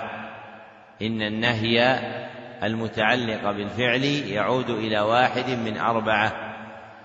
أحدها عوده إلى الفعل نفسه في ذاته أو ركنه عوده إلى الفعل نفسه في ذاته أو ركنه وثانيها عوده إلى شرطه عوده إلى شرطه وثالثها عوده إلى وصفه الملازم له عوده إلى وصفه الملازم له ورابعها عوده إلى خارج عما تقدم متصل بالفعل. عوده إلى خارج عما تقدم متصل بالفعل. فمتى كان النهي متعلقا بالثلاثة الأول كان مفيدا للفساد. فمتى كان النهي متعلقا بالثلاثة الأول كان مفيدا للفساد. وإن كان متعلقا بالرابع فإنه لا يفيد الفساد. ومتى كان متعلقا بالرابع فإنه لا يفيد الفساد. ثم ختم المصنف الفصل بالتنبيه على أن صيغة الأمر تطلق ويراد بها غير ما وضع له في الشرع كالإباحة أو التهديد أو التسوية. وموجب ذلك أصلها اللغوي للشرع. وموجب ذلك أصلها اللغوي للشرع نعم. أحسن الله إليكم. قال رحمه الله تعالى وأما العام فهو ما عم شيئين فصاعدا من قوله عممت زيدا وعمرا بالعطاء وعممت جميع الناس بالعطاء. وألفاظه أربعة الاسم الواحد المعرف باللام واسم الجمع المعرف باللام والأسماء المبهمة كمن في من يعقل وما في ما لا يعقل. وأي في الجميع وأين في المكان ومتى في الزمان وما في الاستفهام والجزاء وغيره ولا في النكرات والعموم من صفات النطق ولا يجوز دعوى العموم في غيره من الفعل وما يجري مجراه. ذكر المصنف رحمه الله هنا فصلا آخر من فصول أصول الفقه وهو العام المتعلق بدلالات ألفاظ وعرف العام بقوله وأما العام فهو ما عم شيئين فصاعدا وهذا التعريف أشبه بالمورد اللغوي منه بالمورد الأصولي. أشبه بالمورد اللغوي منه بالمورد الأصولي. فالمنظور فيه عند ذكره هو معناه في اللغة. لا معناه عند الأصوليين والمختار أن العام اصطلاحا هو القول الموضوع لاستغراق جميع أفراده بلا حصر هو القول الموضوع لاستغراق جميع أفراده بلا حصر. فمتى جاء القول دالا على استغراق جميع الأفراد أي شمولها؟ بلا حصر له سمي عاما. ثم ذكر أن ألفاظه أربعة والمراد بالألفاظ الصيغ. فصيغ العموم على ما ذكره المصنف أربعة. فالصيغة الأولى والثانية الاسم الواحد والجمع المعرفان باللام. الاسم الواحد والجمع المعرفان باللام والمراد بالواحد المفرد. وبالجمع ما دل على الجماعة وبالجمع ما دل على الجماعة. فيشمل الجمع واسم الجمع واسم الجمع الجنسي فيشمل الجمع واسم الجمع واسم الجمع الجنسي أيضا فمتى وجد واحد منها فهو مندرج في قوله الجمع. وقوله باللام على مذهب من يرى أن التعريف حاصل باللام المذكورة في ال. على مذهب من يرى أن التعريف حاصل باللام المذكورة في ال وإنما تكون ال مفيدة للعموم إذا كانت للاستغراق إذا كانت للجنس دالة على الاستغراق. إذا كانت للجنس دالة على الاستغراق. فالصيغة الأولى والثانية هي دخول ال الجنسية على المفرد والجمع. دخول ال الجنسية على المفرد والجمع. والمراد بالجنسية الدالة على جنس عام. الدالة على جنس عام أي أفراد كثيرين. كقولنا الإنسان فإن أل فيه للدلالة على هذا الجنس. فقوله تعالى مثلا إن الإنسان لفي خسر دال على عموم الخسر جميع أفراد الإنسان لأن أل هنا هي للجنس دخلت على مفرد وهو كلمة إنسان فأفادت العموم. والصيغة الثالثة هي الأسماء المبهمة. كمن وما وأي. والمراد بالأسماء المبهمة ما لا تدل على معين. ما لا تدل على معين. والصيغة الرابعة لا السابقة للنكرات. لا السابقة للنكرات.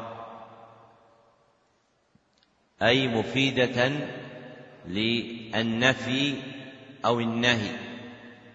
المفيدة للنفي أو النهي. فمتى وقعت النكرة في سياق نفي أو نهي أفادت؟ أفادت العموم. ثم ذكر من مسائل العموم أن العموم من صفات النطق ومراده بالنطق القول. ومراده بالنطق القول. وهو هنا قول الله وقول رسوله صلى الله عليه وسلم. ولذلك يأتي في موضع مستقبل قوله ونعني بالنطق قول الله وقول رسوله صلى الله عليه وسلم ومعنى ما ذكره هنا منع العموم في غير القول. كما قال ولا يجوز دعوى العموم في غيره من الفعل وما يجري مجراه فالعموم من صفات النطق فقط ولا تجوز دعوى العموم في الفعل وما يجري مجراه من القضايا المعينة وما يجري مجراه من القضايا المعينة.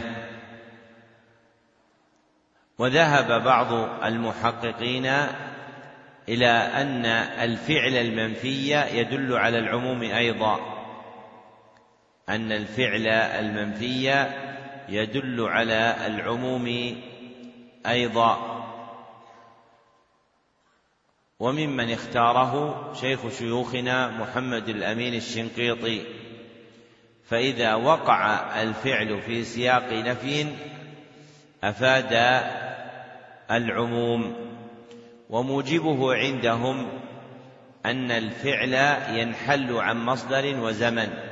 أن الفعل ينحل عن مصدر وزمن. أي يكون الفعل مضمنا مصدرا وزمنا. فإذا قلت مثلا يأكل فإن هذا الفعل يضمن مصدرا هو الأكل وزمنا وهو وقوعه بالزمن الحاضر وانحلاله عن المصدر يوقع ذلك المصدر نكرة في سياق نفي يوقع ذلك المصدر نكرة في سياق نفي لأن الفعل منفي فيفيد حينئذ العموم لأن النكرة في سياق النفي تفيد العموم وهذا مذهب قوي أن الفعل المنفي يفيد العموم وأن العموم لا يختص بالنطق فقط بل يكون في الأفعال ما يفيد ذلك وهو الفعل المنفي. نعم. أحسن الله إليكم. قال رحمه الله تعالى والخاص يقابل العام والتخصيص تمييز بعض الجملة وهو ينقسم إلى متصل ومنفصل. فالمتصل الاستثناء والتقييد بالشرط والتقييد بالصفة والاستثناء إخراج ما لولاه لدخل في الكلام وإنما يصح بشرط أن يبقى من المستثنى منه شيء ومن شرطه أن يكون متصلا بالكلام ويجوز تقديم الاستثناء على المستثنى منه ويجوز الاستثناء من الجنس ومن غيره. والشرط يجوز أن يتأخر عن المشروط ويجوز أن يتقدم على المشروط. والمقيد بالصفة يحمل عليه المطلق. كالرقبة قيدت بالإيمان في بعض المواضع وأطلقت في بعض المواضع فيحمل المطلق على المقيد. ويجوز تخصيص الكتاب بالكتاب وتخصيص الكتاب بالسنة وتخصيص السنة بالكتاب وتخصيص السنة بالسنة وتخصيص النطق بالقياس. ونعني بالنطق قول الله سبحانه وتعالى وقول الرسول صلى الله عليه وسلم. ذكر المصنف رحمه الله هنا فصلا آخر من فصول أصول الفقه وهو الخاص الواقع مقابلا للعام كما قال والخاص يقابل العام فالصلة بينهما المقابلة. والخاص اصطلاحا هو القول الموضوع للدلالة على فرد مع حصر. هو القول الموضوع للدلالة على فرد مع حصر ولا يراد بالفرد الواحد المنفرد بل يراد جنسه. والحكم المترتب على الخاص يسمى تخصيصا. والحكم المترتب على الخاص يسمى تخصيصا. وهو المذكور في قول المصنف تمييز بعض الجملة أي إخراج بعض أفراد العام وإبقاء بعضها لأن الخاص لفظ دال على مقصود معين. ثم ذكر قسمة المخصصات إلى قسمين.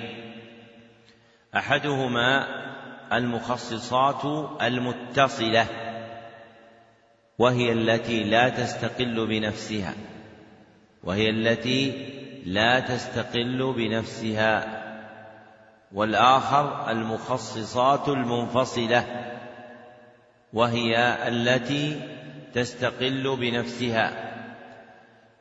ثم ذكر من المخصصات المتصلة الاستثناء والشرط والصفة.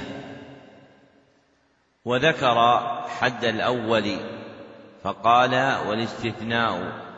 إخراج ما لولاه لدخل في الكلام إلى آخره فالاستثناء عندهم إخراج ما لولاه لدخل في الكلام بأداة مخصوصة إخراج ما لولاه لدخل في الكلام بأداة مخصوصة.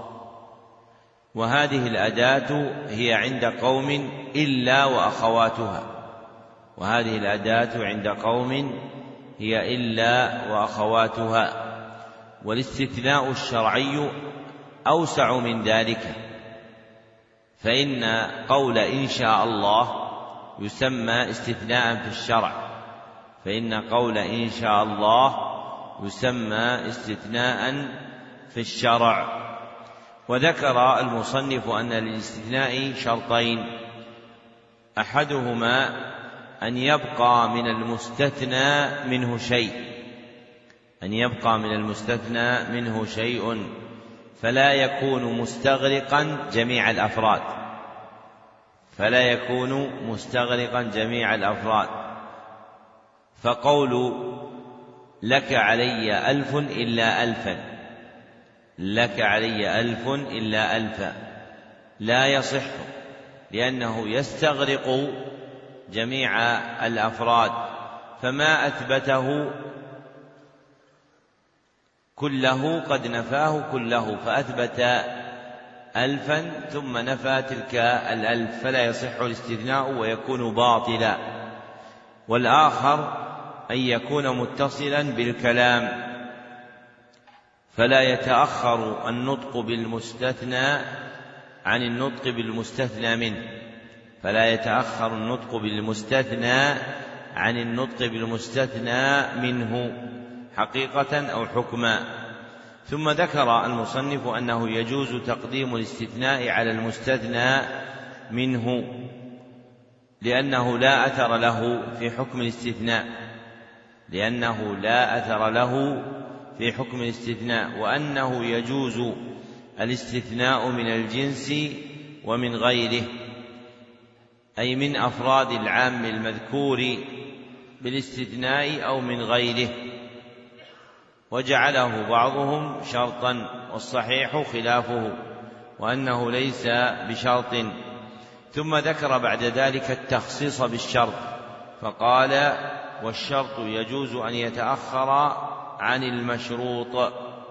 ومراده بالشرط الشرط اللغوي. المذكور بأدواته عند النحاة وهي الأدوات التي تجزم فعلين وتسمى أدوات الشرط وتسمى أدوات الشرط. ثم ذكر التخصيص بالصفة فقال والمقيد بالصفة يحمل عليه المطلق. ومراده بالمطلق هنا العام. ومراده بالمطلق هنا العام. ويقع في كلام قدماء أهل العلم التوسعة في الاصطلاحات قبل استقرارها. ويقع في كلام قدماء أهل العلم التوسعة في الاصطلاحات قبل استقرارها.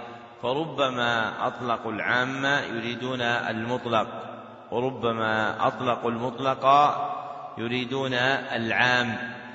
فالواقع منهم حينئذ لا يكون وهما أو اضطرابا لأن الحامل لهم على ذلك أن مصطلحات العلوم لم تستقر فيتوسعون فيما يستعملونه من ألفاظها.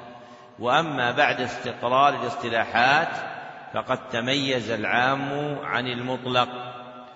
فالمطلق عندهم هو القول المستغرق هو القول الموضوع لاستغراق جميع أفراده على وجه البدل هو القول الموضوع لاستغراق جميع أفراده على وجه البدل فالفرق بينه وبين العام هو أن العام يستغرق جميع الأفراد مباشرة دفعة واحدة يستغرق جميع الأفراد مباشرة دفعة واحدة. وأما المطلق فإنه يستغرقها لا على وجه المباشرة. لا على وجه المباشرة. بل على وجه البدل. فإذا تعذر واحد من أفراد المطلق حل بعده آخر. فمثلا قوله تعالى فتحرير رقبة يسمى مطلقا. قوله فتحرير رقبة يسمى مطلقا. فإن هذا القول موضوع للاستغراق لجميع الأفراد لكن على وجه البدل أي تطلب رقبة. فإن لم توجد طلبت رقبة من هذا الجنس. فإذا لم توجد طلبت رقبة من هذا الجنس. فهو يستغرق جميع الأفراد لكن على وجه البدلية. وأما العموم فإنه يستغرقها دفعة واحدة مباشرة. ويقابل المطلق المقيد وهو القول الموضوع للدلالة على فرد واقع بدلا القول الموضوع للدلالة على فرد واقع بدلا ومعنى قوله حمل المطلق على المقيد أي جعل بمعناه في الحكم أي جعل بمعناه في الحكم بحسب ما يأتلف عليه الحكم والسبب اتحادا واختلافا كما هو مبين في موضعه اللائق فإنه ينظر إلى الصلة بين المطلق والمقيد وما يكون بينهما من حكم وسبب. فيحمل أحدهما على الآخر بما يناسبه كما هو مفصل في مطولات كتب الأصوليين. ثم ذكر المصنف بعد ذلك المخصصات المنفصلة بقوله ويجوز تخصيص الكتاب بالكتاب وتخصيص الكتاب بالسنة إلى آخره. وهذه هي أشهر المخصصات المنفصلة. والجامع للمخصصات المنفصلة القول بأنها ثلاثة أنواع. والجامع للقول في المخصصات المنفصلة أنها ثلاثة أنواع. أحدها الحس وثانيها العقل وثالثها الشرع.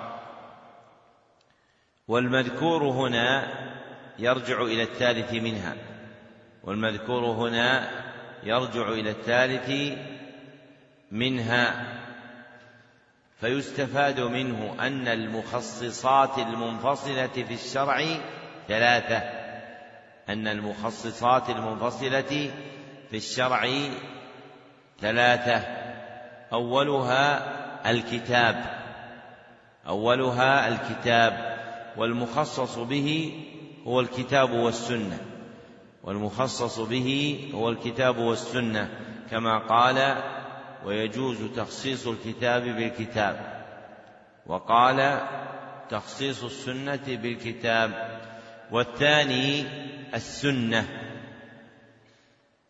والمخصص به هو الكتاب والسنة. كما قال تخصيص الكتاب بالسنة وقال وتخصيص السنة بالسنة. والثالث القياس والمخصص به هو الكتاب والسنة. كما قال وتخصيص النطق بالقياس. ثم بين النطق بقوله ونعني بالنطق قول الله سبحانه وتعالى وقول الرسول صلى الله عليه فهذه أنواع المخصصات المنفصلة في الشرع الذي هو أحد الأنواع الجامعة للمخصصات المنفصلة. فالمخصصات المنفصلة في أصل وضعها ثلاثة حس وعقل وشرع. ثم الثالث منها وهو الحقيق بالعناية ينقسم إلى الأقسام الثلاثة المذكورة. نعم. أحسن الله إليكم. قال رحمه الله تعالى والمجمل ما افتقر إلى البيان والبيان إخراج الشيء من حيز الإشكال إلى حيز التجلي والنص ما لا يحتمل إلا معنى واحدا وقيل ما تأويله تنزيله وهو مشتق من منصة العروس وهو الكرسي والظاهر ما احتمل أمرين أحدهما أظهر من الآخر ويؤول الظاهر بالدليل ويسمى الظاهر بالدليل. ذكر المصنف رحمه الله هنا فصلا آخر من فصول أصول الفقه يتعلق بدلالات الألفاظ أيضا وهو المجمل. وعرفه بقوله والمجمل ما افتقر إلى البيان أي احتاج إليه فلا يتضح المقصود منه إلا بالبيان. والمجمل على المختار اصطلاحا هو ما احتمل معنيين أو أكثر لا مزية لأحدهما على الآخر. ما احتمل معنيين أو أكثر لا مزية لأحدهما على الآخر. وهذا الاحتمال هو الافتقار الذي أشار إليه بقوله ما افتقر إلى البيان. وهذا الاحتمال هو الافتقار الذي أشار إليه بقوله ما افتقر إلى البيان فإن وجود الاحتمال سبب للافتقار إلى البيان. ثم عرف البيان فقال والبيان إخراج الشيء من حيز الإشكال إلى حيز التجلي وهذا الحد انتقده المصنف نفسه في كتاب البرهان. لأن الحيز من من الصفات الحسية. لأن الحيز من الصفات الحسية. والبيان ليس حسيا بل معنوي وأحسن شيء يقال في بيان البيان إن البيان اصطلاحا هو إيضاح المجمل. البيان اصطلاحا هو إيضاح المجمل. ثم ذكر تعريف النص فقال والنص ما لا يحتمل إلا معنى واحدا وقيل ما تأويله تنزيله والمختار منهما الأول لأنه أبين. فالنص اصطلاحا ما لا يحتمل إلا معنى واحدا. ما لا يحتمل إلا معنى واحدا. أما المعنى الثاني الذي ذكره ففيه إجمال يفتقر إلى بيان يظهر المقصود منه والحدود يلاحظ فيها البيان والوضوح فالمذكور اولا هو المقدم المختار ثم أشار إلى أنه مشتق من منصة العروس بكسر الميم لأنها اسم آلة.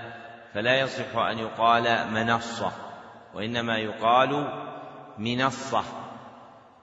ومراده بالاشتقاق هنا المعنى العام لا حقيقته الاصطلاحية وهو وجود اتفاق في الحروف وهو وجود اتفاق في الحروف لأن الاشتقاق اصطلاحا هو إيش؟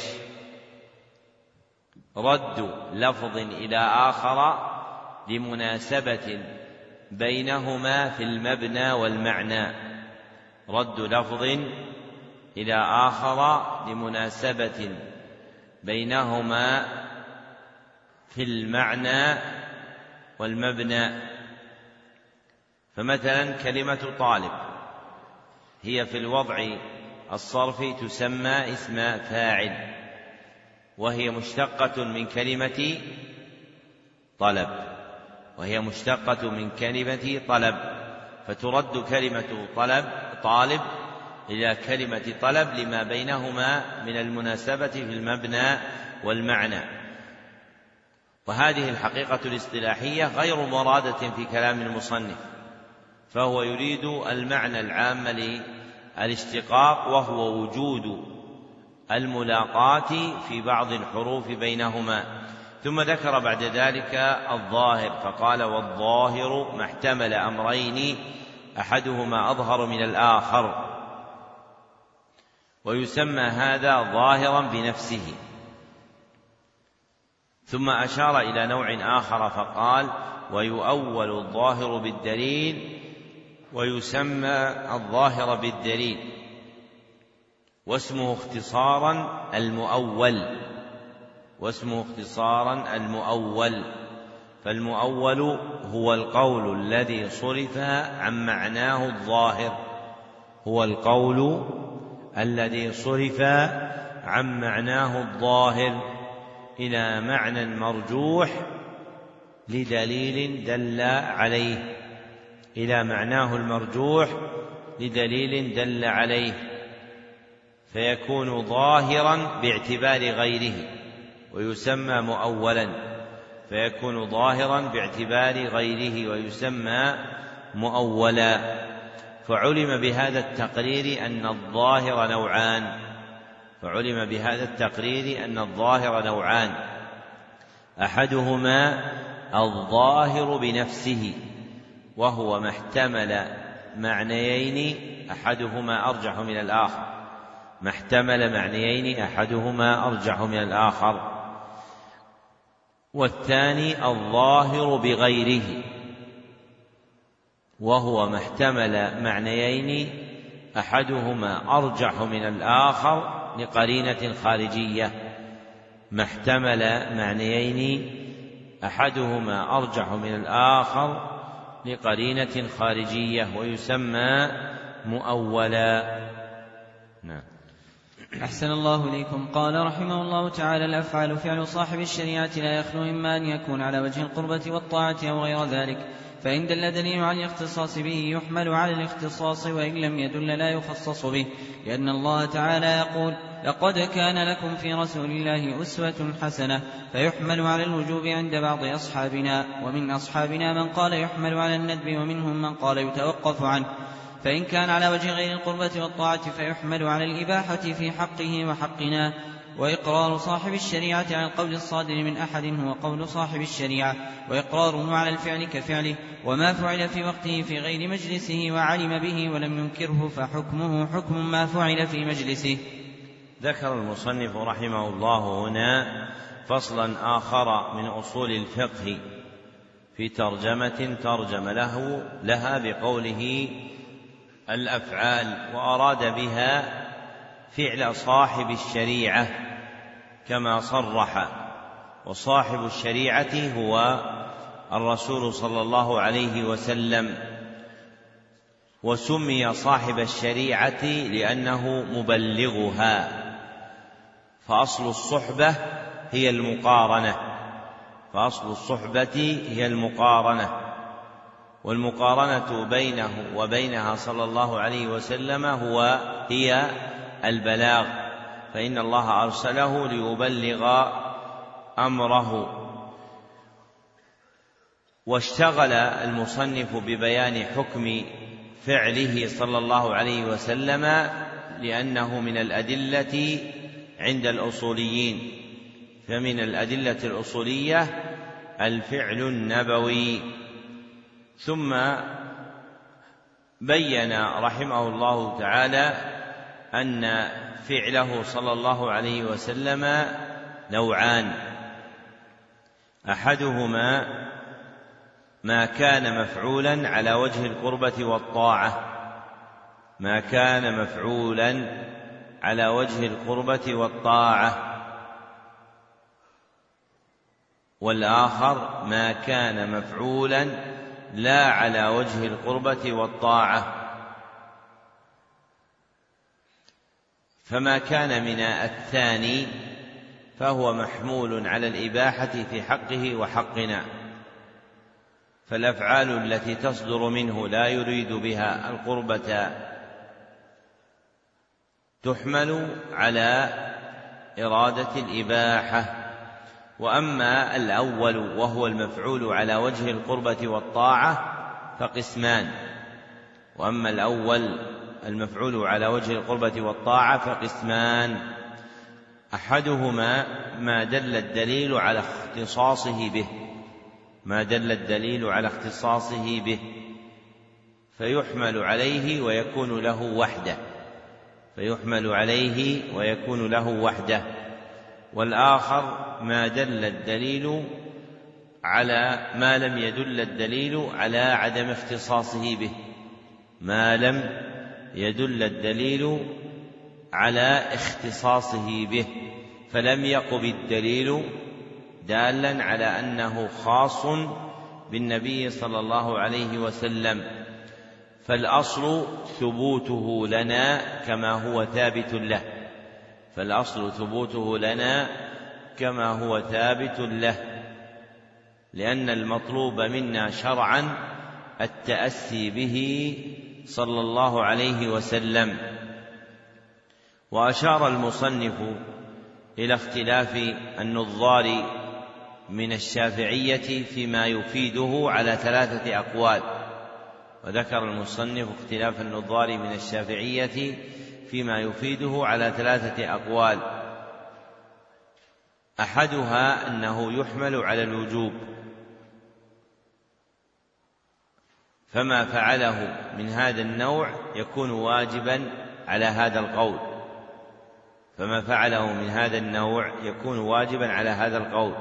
وثانيها أنه يحمل على الندب. فيكون المفعول هنا قربة حكمه الندب وثالثها أنه يتوقف عنه أي يتوقف عن حمله على أحد النوعين الوجوب أو الندب أي يتوقف على حمله على أحد النوعين الوجوب أو الندب. ويشمله اسم الطلب ويشمله اسم الطلب فيكون مطلوبا فيكون مطلوبا دون تعيين كونه واجبا أو ندبا دون تعيين كونه واجبا أو ندبا. فليس المراد بالتوقف التوقف عن فعله. بل المراد التوقف عن الجزم بقدر طلبه. هل هو واجب أم مندوب؟ فيثبت له القدر الجامع لهما وهو كونه مطلوبا من العبد دون تعيين كونه واجبا أو كونه مندوبا. واصح هذه الأقوال أن فعله صلى الله عليه وسلم الأصل فيه الاستحباب أن فعله صلى الله عليه وسلم الأصل فيه الاستحباب. فما فعله صلى الله عليه وسلم على وجه القربة والطاعة فهو مستحب إذا كان الدليل مقتصرا على وجود الفعل. إذا كان الدليل مقتصرا على وجود الفعل. ثم ذكر المصنف تبعا للفعل الإقرار به وأنه يجري مجرى القول والفعل فإقراره صلى الله عليه وسلم لقول كقوله وإقراره صلى الله عليه وسلم على فعل كإقراره. فالإقرار منه صلى الله عليه وسلم يثبت به ما تضمنه ذلك الإقرار من قول أو فعل. ثم ذكر من مسائل الإقرار أن ما فعل في وقته أي في عهده في غير مجلسه وعلم به ولم ينكره فحكمه حكم ما فعل في مجلسه. لموافقته صلى الله عليه وسلم عليه بعلمه دون إنكار لموافقته عليه صلى الله عليه وسلم بعلمه دون إنكار. فإذا اتصل وقوعه بعلمه صلى الله عليه وسلم ولم ينكره علم ذلك أن اقراء أنه إقرار له ولو لم يفعل بحضرته يعني بين يديه. أحسن الله إليكم. قال رحمه الله تعالى وأما النسخ فمعناه لغة الإزالة. وقيل معناه النقل من قولهم نسخت ما في هذا الكتاب أي نقلته وحده هو الخطاب الدال على رفع الحكم الثابت بالخطاب المتقدم على وجه لولاه لكان ثابتا مع تراخيه عنه. ويجوز نسخ الرسم وبقاء الحكم ونسخ الحكم وبقاء الرسم والنسخ إلى بدل وإلى غير بدل وإلى ما هو أغلظ وإلى ما هو أخف. ويجوز نسخ الكتاب بالكتاب ونسخ السنة بالكتاب ونسخ السنة بالسنة. ويجوز نسخ المتواتر بالمتواتر منهما ونسخ الآحاد بالآحاد وبالمتواتر. ولا يجوز نسخ المتواتر بالآحاد. ذكر المصنف رحمه الله هنا فصلا آخر من فصول أصول الفقه وهو النسخ. وعرفه لغة بتعريفين أحدهما الإزالة والآخر النقل أحدهما الإزالة والآخر النقل. وهذان التعريفان يرجعان إلى أصل أوسع منهما وهو الرفع. فالمختار أن النسخ هو الرفع. ذكره ابن فارس وغيره من أئمة اللغة. ثم ذكر المصنف تعريفه اصطلاحا فقال حده هو الخطاب الدال إلى آخره. وهذا الذي ذكره هو تعريف للناسخ لا للنسخ. فإن الخطاب الدال على رفع الحكم الثابت بالخطاب المتقدم إلى آخره يصدق على الناسخ. الذي هو موجب النسخ الذي هو موجب النسخ فالنسخ حكمه والمختار أن النسخ اصطلاحا هو رفع الخطاب الشرعي أو حكمه الثابت به رفع الخطاب الشرعي أو حكمه الثابت به أو هما معا. أو هما معا بخطاب شرعي متراخ. بخطاب شرعي متراخ. وذكر المصنف أقسام النسخ باعتبار متعلقه. وذكر المصنف أقسام النسخ باعتبار متعلقه.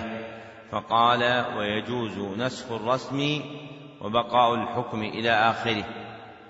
فالنسخ باعتبار متعلقه نوعان. فالنسخ باعتبار متعلقه نوعان. أحدهما نسخ الرسم وبقاء الحكم. نسخ الرسم وبقاء الحكم. والآخر نسخ الحكم وبقاء الرسم. نسخ الحكم وبقاء الرسم. وبقي قسم ثالث لازم يلزمهما اقتضاء. أغنى لزومه عن ذكره وهو نسخ الحكم والرسم معا. نسخ الرسم والحكم معا. فهي ثلاثة أنواع. والمراد بالرسم صورة دليل الشرع. صورة دليل الشرع أي الدليل الوارد جعل له وصف الرسم لأنه يكتب جعل له وصف الرسم لأنه يكتب فإذا كتب ثبت نقشه المسمى رسما. ثم ذكر المصنف أقسام النسخ باعتبار المنسوخ إليه. فقال والنسخ إلى بدل وإلى غير بدل فالمنسوخ إليه قسمان فالمنسوخ إليه قسمان أحدهما منسوخ إلى غير بدل منسوخ إلى غير بدل لا في رسمه ولا في حكمه والآخر منسوخ إلى بدل. في رسمه وحكمه معا. منسوخ إلى بدل في رسمه وحكمه معا. أو في الرسم فقط. أو في الحكم فقط. أو في الرسم فقط. أو في الحكم فقط. والمنسوخ إلى بدل في قسم والمنسوخ إلى بدل في حكمه له قسمان. ذكرهما المصنف. أحدهما منسوخ إلى بدل أغلظ. منسوخ إلى بدل أغلظ يعني أشد. والآخر منسوخ إلى بدل أخف. منسوخ إلى بدل أخف. ويتممهما قسم ثالث وهو وهو النسخ إلى المنسوخ إلى بدل مساو. وهو المنسوخ إلى بدل مساو. مثل استقبال القبلة ونقلها من بيت المقدس إلى الكعبة. فإنه نسخ إلى بدل مساو. ثم ذكر المصنف أقسام النسخ باعتبار الناسخ. أقسام النسخ باعتبار الناسخ.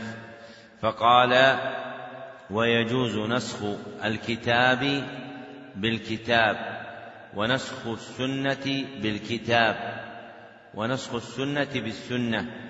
ثم قال ويجوز نسخ المتواتر بالمتواتر منهما ونسخ الآحاد بالآحاد والمتواتر ولا يجوز نسخ المتواتر بالآحاد. وكلاهما تقسيم للناسخ لكن باعتبار مختلف. فالقسمة الأولى هي باعتبار نوعه والقسمة الثانية هي باعتبار قوة دلالته. فالناسخ باعتبار نوعه ينقسم إلى شيئين. فالناسخ باعتبار نوعه ينقسم إلى شيئين. أحدهما ناسخ من الكتاب ناسخ من الكتاب وينسخ الكتاب والسنة. والآخر ناسخ من السنة. وينسخ السنة فقط. ناسخ من السنة وينسخ السنة فقط. ولم يثبت وجود ناسخ من السنة ينسخ الكتاب. ولم يثبت وجود ناسخ من السنة ينسخ الكتاب. وكل ما ذكره الأصوليون فيه لا يسلم من اعتراض يرده. لا يسلم من اعتراض يرده. والناسخ باعتبار قوته ينقسم إلى نوعين. والناسخ باعتبار قوته ينقسم إلى نوعين. أحدهما المتواتر. وينسخ المتواتر والآحاد. والآخر الآحاد وينسخ الآحاد فقط على ما ذكره المصنف وينسخ الآحاد فقط على ما ذكره المصنف لقوله ولا يجوز نسخ المتواتر بالآحاد وهذا مذهب الجمهور. والراجح جواز نسخ المتواتر بالآحاد. والراجح جواز نسخ المتواتر بالآحاد لأن محل النسخ هو الحكم لأن محل النسخ هو الحكم ولا يشترط فيه التواتر ولا يشترط في الحكم التواتر. أما القطع الموجود فمحله طريق النقل أما القطع الموجود فمحله طريق النقل. فإذا قيل متواتر أي من جهة طريق نقله فهو قطعي من جهة طريق النقل. وأما من جهة الحكم الذي هو مدلوله فإنه يمكن أن ينسخه الآحاد. نعم. أحسن الله إليكم. قال رحمه الله تعالى فصل في التعارض. إذا تعارض نطقان فلا يخلو إما أن يكونا عامين أو خاصين أو أحدهما عاما والآخر خاصا أو كل واحد منهما عاما من وجه وخاصا من وجه. فإن كان عامين فإن أمكن الجمع بينهما جمع وإن لم يمكن الجمع بينهما يتوقف فيهما إن لم يعلم التاريخ. فإن علم التاريخ ينسخ المتقدم بالمتأخر وكذا إن كانا خاصين. وإن كان أحدهما عاما والآخر خاصا فيخصص العام بالخاص. وإن كان أحدهما عاما من وجه وخاصا من وجه فيخصص عموم كل واحد منهما بخصوص الآخر. ذكر المصنف رحمه الله تعالى فصلا آخر من فصول أصول الفقه هو التعارض والمراد بالتعارض تقابل الدليلين بحيث يخالف أحدهما الآخر. تقابل الدليلين بحيث يخالف أحدهم الآخر في نظر المجتهد في نظر المجتهد. وقد ذكر المصنف أن التعارض الواقع في الخطاب الشرعي بين عامين أو خاصين يفزع فيه اولا إلى الجمع فإن لم يمكن الجمع صير إلى النسخ فإن لم يمكن النسخ صير إلى الترجيح. فصارت مراتب مراتب التأليف بين المتعارضين إذا كان عامين أو خاصين ثلاث. فصارت مراتب التأليف بين المتعارضين إذا كان عامين أو خاصين ثلاث. أولها أو ثلاثا. أولها الجمع وثانيها النسخ وثالثها الترجيح. والجمع اصطلاحا هو التأليف بين مدلولي نصين هو التأليف بين مدلولي نصين توهم تعارضهما دون تكلف ولا إحداث. والتأليف بين مدلولي نصين توهم تعارضهما بلا تكلف ولا إحداث ومعنى قولنا بلا تكلف أي دون تحميل النص ما لم يحتمل ما لا يحتمل أي دون تحميل النص ما لا يحتمل ومعنى قولنا ولا إحداث أي دون اختراع معنى لا يعتد به شرعا. دون اختراع معنى لا يعتد به شرعا. وأما النسخ فتقدم تعريفه. وذكر المصنف أن طريق العلم به هو التاريخ. أن طريق العلم به هو التاريخ.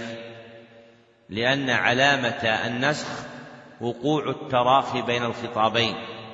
لأن علامة النسخ وقوع التراخي بين الخطابين فيكون أحدهما متقدما والآخر متأخرا فيكون أحدهما متقدما والآخر متأخرا ويعلم ذلك بالتاريخ. وأما الترجيح اصطلاحا فهو تقديم أحد النصين المقبولين على مثله. تقديم أحد النصين المقبولين على مثله لتعذر الجمع بدليل لتعذر الجمع بدليل. فيقوم الدليل على تقديم أحدهما على الآخر. وهذه المراتب الثلاث محلها إذا كان التعارض بين إيش؟ عامين أو خاصين. أما إذا كان التعارض بين عام وخاص أو بين عام من وجه وخاص من وجه فإن كل واحد منهما يحمل على الآخر فيخصص العام بالدليل الخاص فيخصص العام بالدليل الخاص. وقوله إذا تعارض نطقان يوهم اختصاص التعارض بين الأقوال لأن النطق عنده كما تقدم هو قول الله وقول رسوله صلى الله عليه وسلم وليس ذلك مرادا بل خرج مخرج الغالب فالغالب أن التعارض يكون بين الأقوال وربما وقع بين الأقوال وبين الأفعال. أو بين الأفعال والأفعال فكل الأقوال والأفعال في قسمتها الثلاثية محل لورود التعارض بينها. نعم. أحسن الله إليكم. قال رحمه الله تعالى وأما الإجماع فهو اتفاق علماء العصر على حكم الحادثة ونعني بالعلماء الفقهاء ونعني بالحادثة الحادثة الشرعية. وإجماع هذه الأمة حجة دون غيرها لقوله صلى الله عليه وسلم لا تجتمع أمتي على ضلالة والشرع ورد بعصمة هذه الأمة والإجماع حجة على العصر الثاني وفي أي عصر كان ولا يشترط انقراض العصر على الصحيح فإن قلنا انقراض العصر شرط يعتبر قول من ولد في حياتهم وتفقه وصار من أهل الاجتهاد ولهم من يرجع عن ذلك الحكم. والإجماع يصح بقولهم وبفعلهم وبقول البعض وبفعل البعض وانتشار ذلك وسكوت الباقين عنه. ذكر المصنف رحمه الله هنا فصلا آخر من فصول أصول الفقه وهو الإجماع وعرفه بقوله اتفاق علماء العصر على حكم الحادثة. فحقيقة الإجماع مبنية على ثلاثة أصول فحقيقة الإجماع مبنية على ثلاثة أصول. أولها أنه اتفاق. أنه اتفاق. وثانيها أن أهله الذين ينسب إليهم هم العلماء. والمراد منهم هنا الفقهاء. لا مطلق العلماء كما صرح به فقال ونعني بالعلماء الفقهاء وثالثها أن مورده حادثة أي مسألة شرعية. أن مورده حادثة أي مسألة شرعية. والمراد بالعصر الذي ينعقد فيه الإجماع هو كونه عصرا من عصور أمة محمد صلى الله عليه وسلم. وكونه عصرا من عصور أمة محمد صلى الله عليه وسلم بعد وفاته بعد وفاته للاستغناء بوجوده صلى الله عليه وسلم حال حياته عن الإجماع للاستغناء بوجوده صلى الله عليه وسلم حال حياته عن الإجماع فالإجماع اصطلاحا اتفاق مجتهد عصر من عصور أمة محمد صلى الله عليه وسلم بعد وفاته على حكم شرعي بعد وفاته على حكم شرعي. ثم ذكر أن من قواعد الإجماع أن الإجماع حجة على العصر الثاني أي التالي له. أي التالي له وكل عصر كائن بعده. ثم ذكر من قواعده أنه لا يشترط انقراض العصر على الصحيح أي لا يشترط انقراض المجتهدين الذين انعقد بهم الإجماع أي لا يشترط انقراض المجتهدين الذين انعقد بهم الإجماع. والمراد بالانقراض موتهم والمراد بالانقراض موتهم فإذا قدر وقوع إجماع المجتهدين صار الإجماع صحيحا. فلو غير أحدهم قوله قبل وفاته بعد ذلك لم يكن قادحا في صحة الإجماع. لانعقاده بموافقته عند حدوثه. ثم ذكر المصنف أن انعقاد الإجماع يكون تارة بالقول وبالفعل تارة فيعلم الإجماع بطريق القول ويعلم الإجماع بطريق الفعل. فتارة يقول بعض المجتهدين قولا ويسكت بقيتهم أو يفعل بعض المجتهدين فعلا ويسكت بقيتهم وتارة بانتشار الحكم عن بعضهم وتارة بانتشار الحكم عن بعضهم ويسكت غيرهم مما يسمى الإجماع السكوتي وهو حجة على الصحيح وهو حجة على الصحيح. نعم. أحسن الله إليكم. قال رحمه الله تعالى وقول الواحد من الصحابة ليس بحجة على غيره على القول الجديد. ذكر المصنف رحمه الله هنا فصلا آخر من أصول الفقه وهو قول الصحابي. فذكر أن قول الواحد من الصحابة ليس بحجة على غيره فلا يكون قول الصحابي حجة. وهذا كائن على القول الجديد أي عند الشافعية لأن الشافعية يعبرون عن اختيار إمامهم بالقديم والجديد فالقديم منه ما كان في العراق والجديد منه ما كان في مصر. وقد ذكر المصنف أن الجديد عن الشافعي أنه لا يرى أن قول الصحابي حجة وهذا هو المشتهر عند أصحابه وفي كونه الجديد عنه منازعة كما بينه العلاء من الشافعية في إجمال الإصابة وابن القيم في إعلام الموقعين إذ يوجد في كلامه في الجديد ما يدل على أن قول الصحابي حجة عند الشافعي رحمه الله.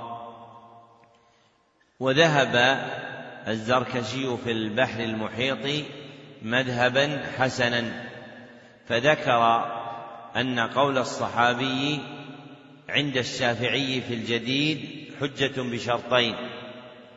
أن قول الصحابي عند الشافعي في الجديد حجة بشرطين. أحدهما ألا يكون القول أي ألا يكون القول مجالا للاجتهاد ألا يكون القول مجالا للاجتهاد فلا يتعلق بما يحتمل اجتهاده فيه.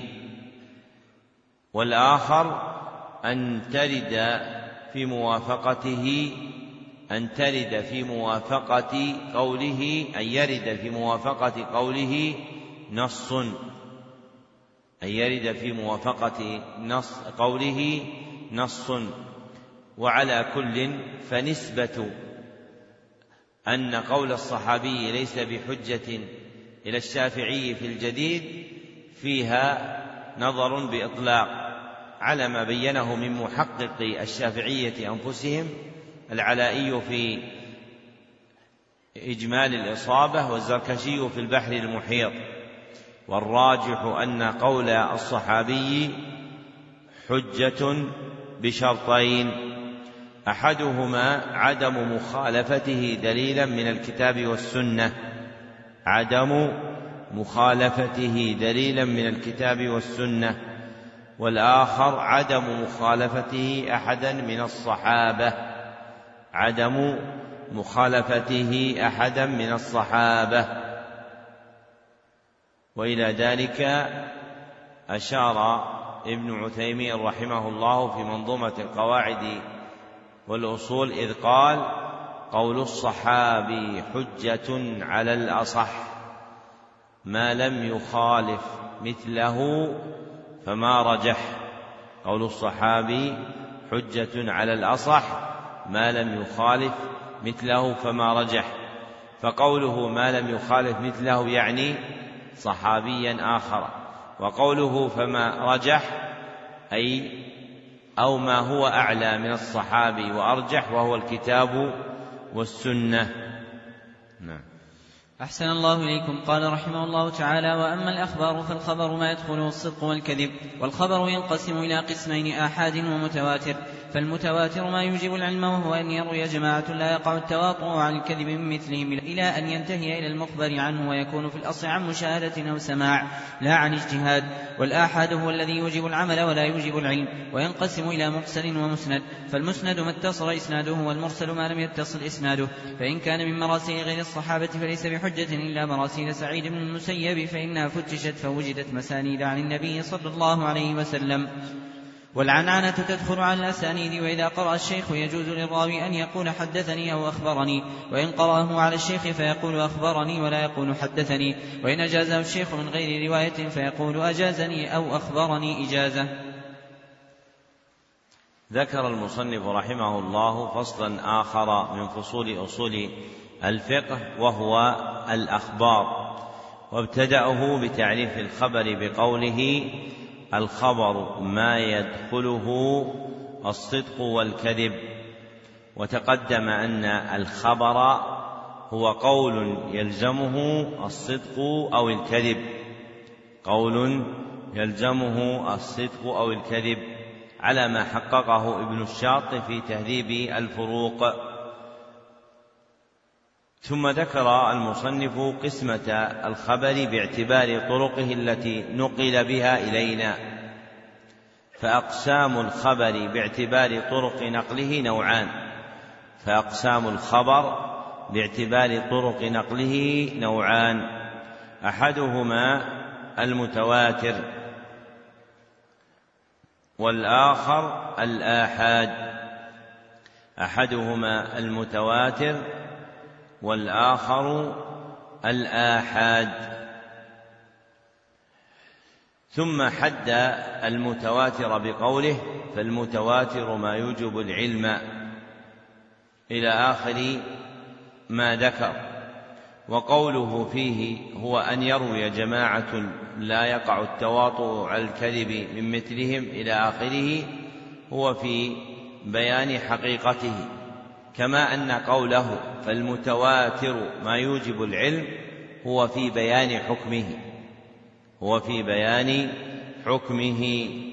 وحكم المتواتر فحكم المتواتر إيجاب العلم القطعي فحكم المتواتر إيجاب العلم القطعي أي الذي لا يتصور نقيضه أي الذي لا يتصور نقيضه. وحقيقته المتواتر على ما ذكر المصنف ما اجتمع فيه أربعة أمور. ما اجتمع فيه أربعة أمور. أحدها أن يرويه جماعة أي عدد كثير. والثاني أن لا يقع التواطؤ على الكذب من مثلهم أي لا يقع أن لا يقع التواطؤ من الكذب على الكذب من مثلهم والمراد بالتواطؤ الاتفاق. والثالث أن ينتهي إلى المخبر عنه فيكون العدد في جميع الطبقات كثيرا في كل طبقة من طبقات النقلة. والرابع انتهاؤه إلى حس بمشاهدة أو سماع انتهاؤه إلى حس بمشاهدة أو سماع فيكون خبر أحدهم حدثنا أو سمعت أو أخبرنا لا عن اجتهاد. وهذا الذي ذكره المصنف في بيان الحقيقة المتعلقة بالمتواتر هو بالشروط أشبه منه بالحدود لأن من شرط الحد أن يكون إيش؟ مختصرا وجيزا لأن من شد من شرط الحد أن يكون مختصرا وجيزا. ذكره السيوطي في تدريب الراوي. والمختار أن المتواتر اصطلاحا هو خبر له طرق بلا عدد. هو خبر له طرق بلا عدد. يفيد بنفسه العلم بصدقه. يفيد بنفسه العلم بصدقه. ثم ذكر من مسائل هذا الباب أن الآحاد يوجب العمل ولا يوجب العلم أي عند تجرده من القرائن. فإن الآحاد إذا تجرد من القرينة كان دالا على الظن. كان دالا على الظن ومعنى دلالته على الظن قبوله تصور النقيض. قبوله تصور النقيض. أما إذا صحبته القرينة فإنه يفيد العلم. فالقرائن إذا احتفت بأحاديث الآحاد أفاد العلم. اختاره جماعة من المحققين منهم ابن تيمية الحفيد وأبو الفضل ابن حجر رحمهما الله. ثم ما ذكره بعد من حكم الآحاد وجعله بمنزلة الحد له ليس صالحا لذلك لفقد الجمع والمنع. والمختار أن الآحاد اصطلاحا هو خبر له طرق منحصرة. خبر له طرق منحصرة. لا يفيد بنفسه العلم بصدقه. لا يفيد بنفسه العلم بصدقه. ثم ذكر قسمة الآحاد فقال فينقسم إلى مرسل ومسند. وهي قسمة له باعتبار الاتصال وهي قسمة له باعتبار الاتصال. فما وجد متصلا سمي مسندا وما وجد غير متصل سمي مرسلا. على أي حال كان عدم اتصاله؟ وهذان المعنيان معنيان واسعان بحسب الاصطلاح الاصولي أما بحسب الاصطلاح الحديثي وعليه المعول فالمسند اصطلاحا هو مرفوع صحابي بسند ظاهره الاتصال. مرفوع صحابي بسند ظاهره الاتصال والمرسل هو ما أضافه التابعي إلى النبي صلى الله عليه وسلم. ما أضافه التابعي إلى النبي صلى الله عليه وسلم. وهذا خلاف المرسل عند الأصوليين فالمرسل عندهم كل ما لم يتصل فيندرج فيه ما يسمى مرسلا ومنقطعا ومعضلا وبلاغا عند المحدثين. والمعول في بيان حقائق الاصطلاحات هو على أصحاب فنونها والمعول في بيان حقائق الاصطلاحات هو على أصحاب فنونها. فاصطلاحات الحديث يرجع فيها إلى المحدثين واصطلاحات الأصول الخاصة بهم يرجع بها إلى يرجع فيها إلى الأصوليين ولابن عاصم في مرتقى الوصول بيت نافع في ذلك يحسن حفظه إذ قال وكل فن فله مجتهد. عليه في تحريره يعتمد. وكل فن فله مجتهد عليه في تقريره. عليه في تقريره يعتمد.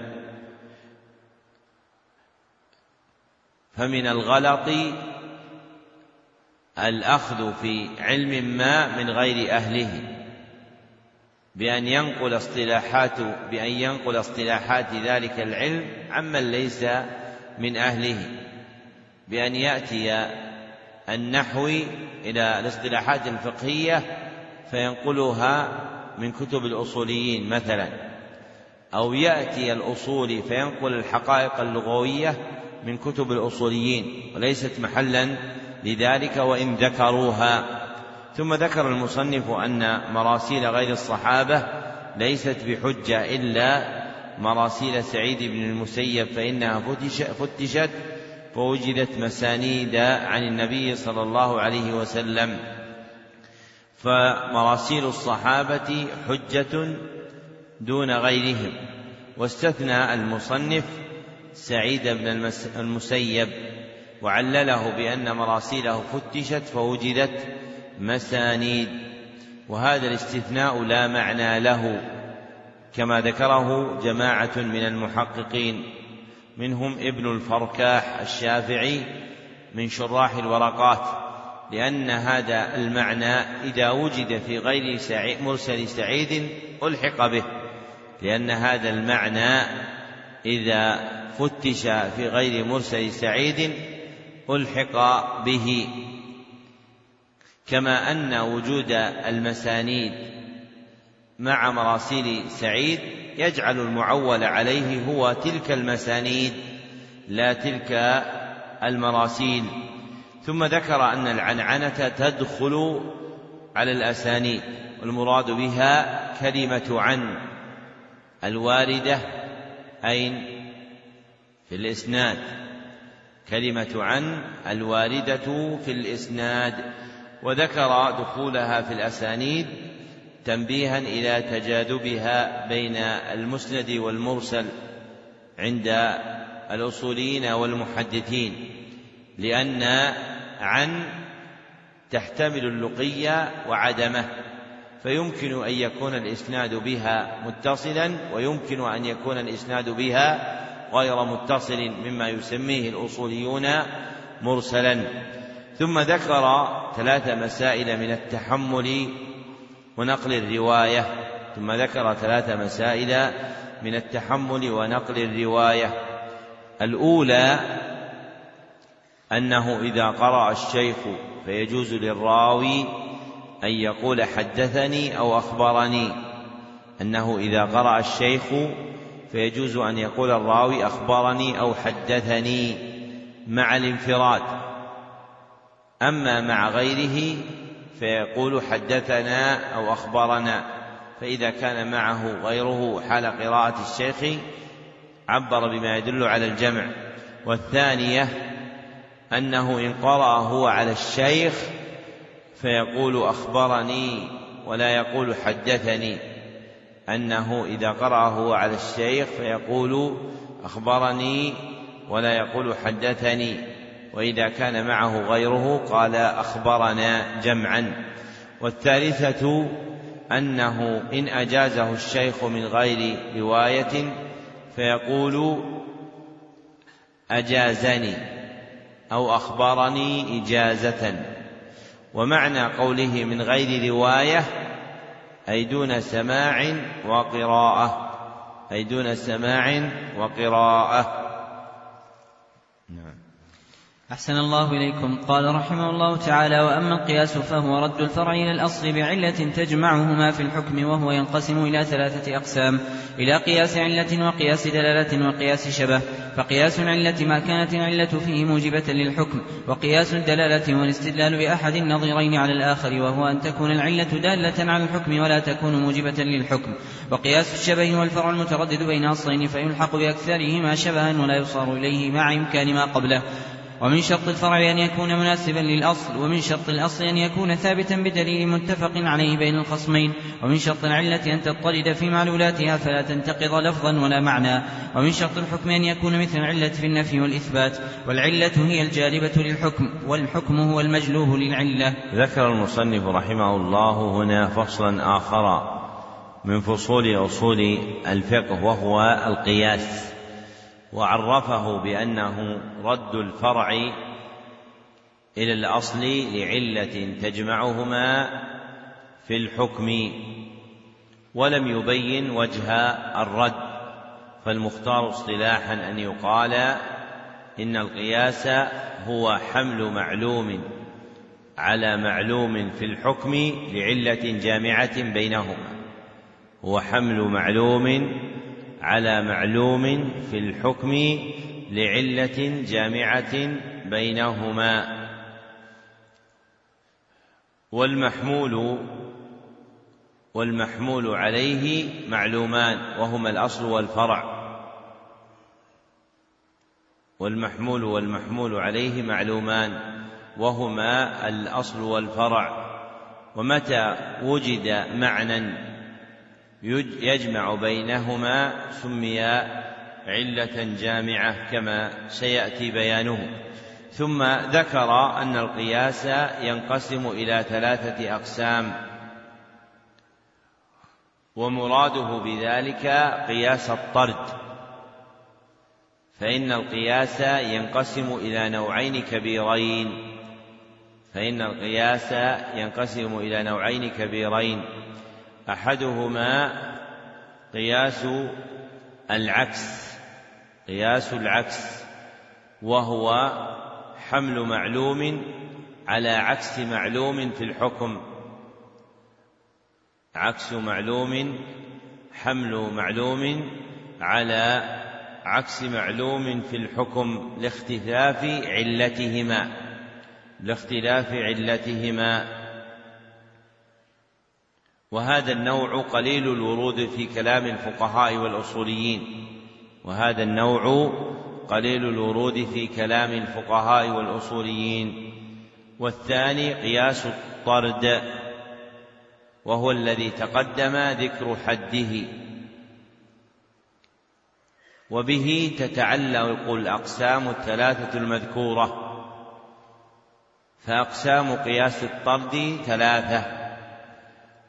الأول قياس العلة وهو ما جمع فيه بين الأصل والفرع علة ظاهرة ما جمع فيه بين الفرع والأصل علة ظاهرة.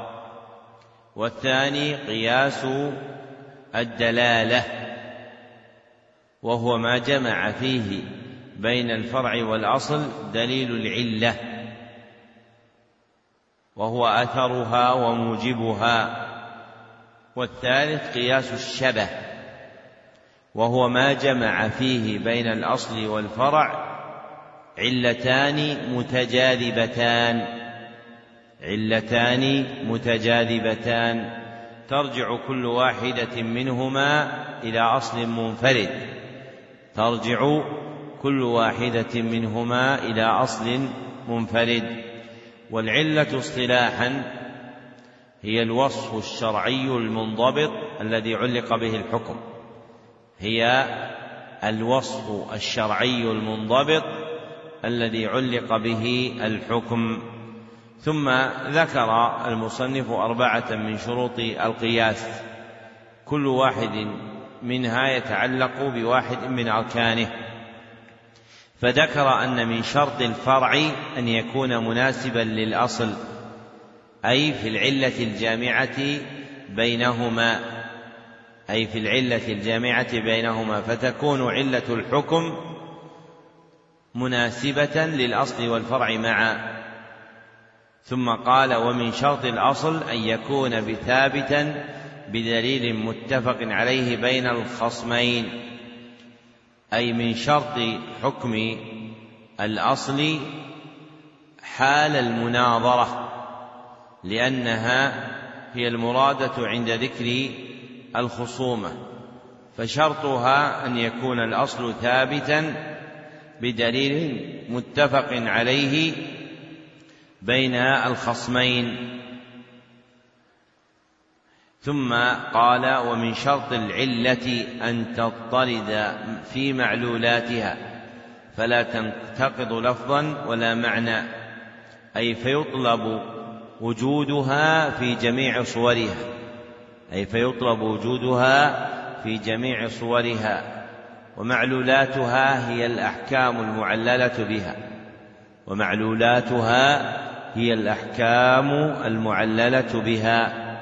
ثم قال ومن شرط الحكم أن يكون مثل العلة في النفي والإثبات أي من شرط حكم الأصل أن يكون مثل العلة في وجوده وعدمه ونفيه وإثباته فالحكم يدور مع علته وجودا وعدما ونفيا وإثباتا على ما تقدم بيانه في شرح منظومة القواعد. ثم ذكر تعريف العلة أنها الجالبة للحكم أي المؤدية إليه أي المؤدية إليه وليس جلبها للحكم بذاتها وليس جلبها للحكم بذاتها بل جلبها للحكم بدليل الشرع بل جلبها للحكم بدليل الشرع.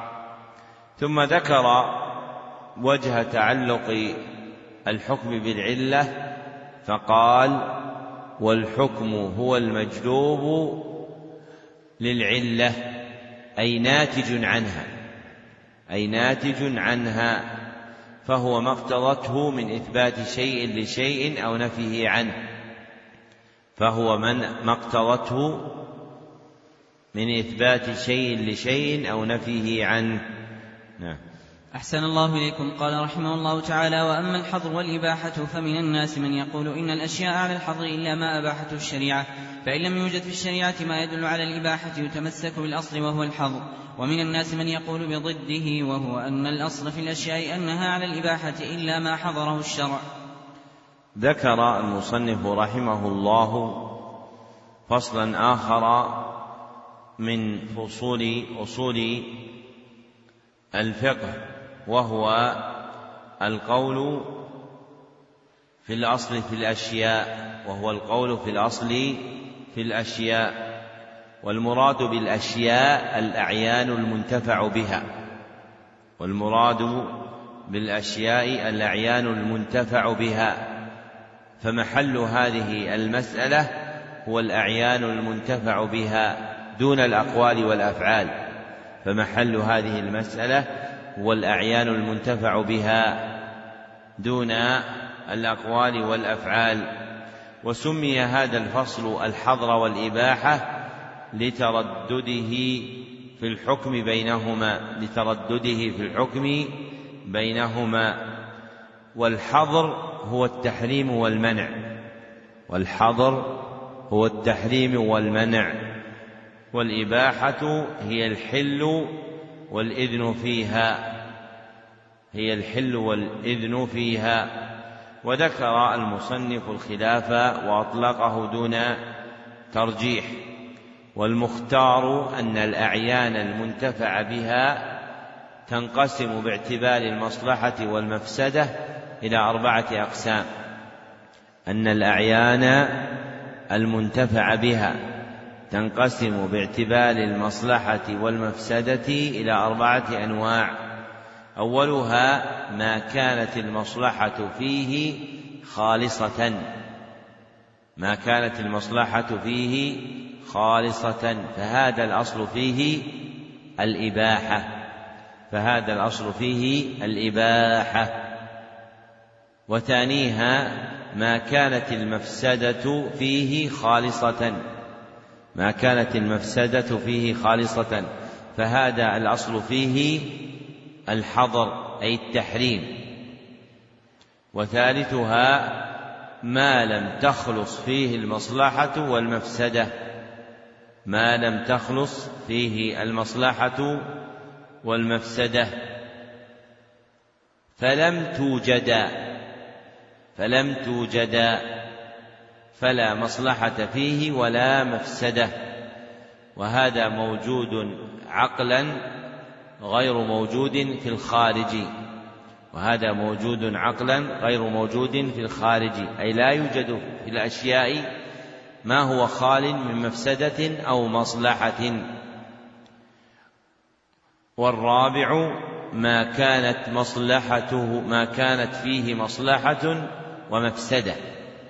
ما كانت فيه مصلحة ومفسدة فيجتمع فيه وجود مصلحة من جهة ومفسدة من جهة أخرى. فالحكم فيه لما رجح منهما. فالحكم فيه لما رجح منهما. فإن كان الراجح هو المصلحة فالأصل فيه الإباحة. وإن كانت الراجح وإن كان الراجح فيه وإن كانت الراجحة فيه هي المفسدة فالأصل فيه هو الحظر. وإن استوت المصلحة والمفسدة فالأصل فيه حينئذ هو الحظر. لماذا؟ لأن درء المفاسد مقدم على جلب المصالح. فمحل هذه القاعدة كما ذكر القرافي وغيره هو إذا استوت المصلحة والمفسدة. نعم. أحسن الله إليكم. قال رحمه الله تعالى ومعنى استصحاب الحال أن يستصحب الأصل عند عدم الدليل الشرعي. ذكر المصنف رحمه الله فيما يتعلق بالأصل في الأعيان المنتفع بها قاعدة الاستصحاب أيضا. وأحسن حد للاستصحاب ما ذكره ابن القيم في إعلام الموقعين. أن الاستصحاب استدامة إثبات ما كان ثابتا.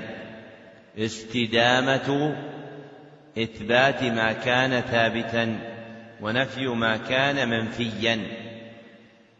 ونفي ونفي ما كان منفيا. استدامة إثبات ما كان ثابتا ونفي ما كان منفيا. ومحله هو عند عدم الدليل الشرعي كما ذكر المصنف. فإذا عدم الدليل الشرعي فزع إلى الاستصحاب. أما مع وجوده فلا حاجة إليه. نعم. أحسن الله إليكم. قال رحمه الله تعالى وأما الأدلة فيقدم الجلي منها على الخفي والموجب للعلم على الموجب للظن والنطق على القياس والقياس الجلي على الخفي.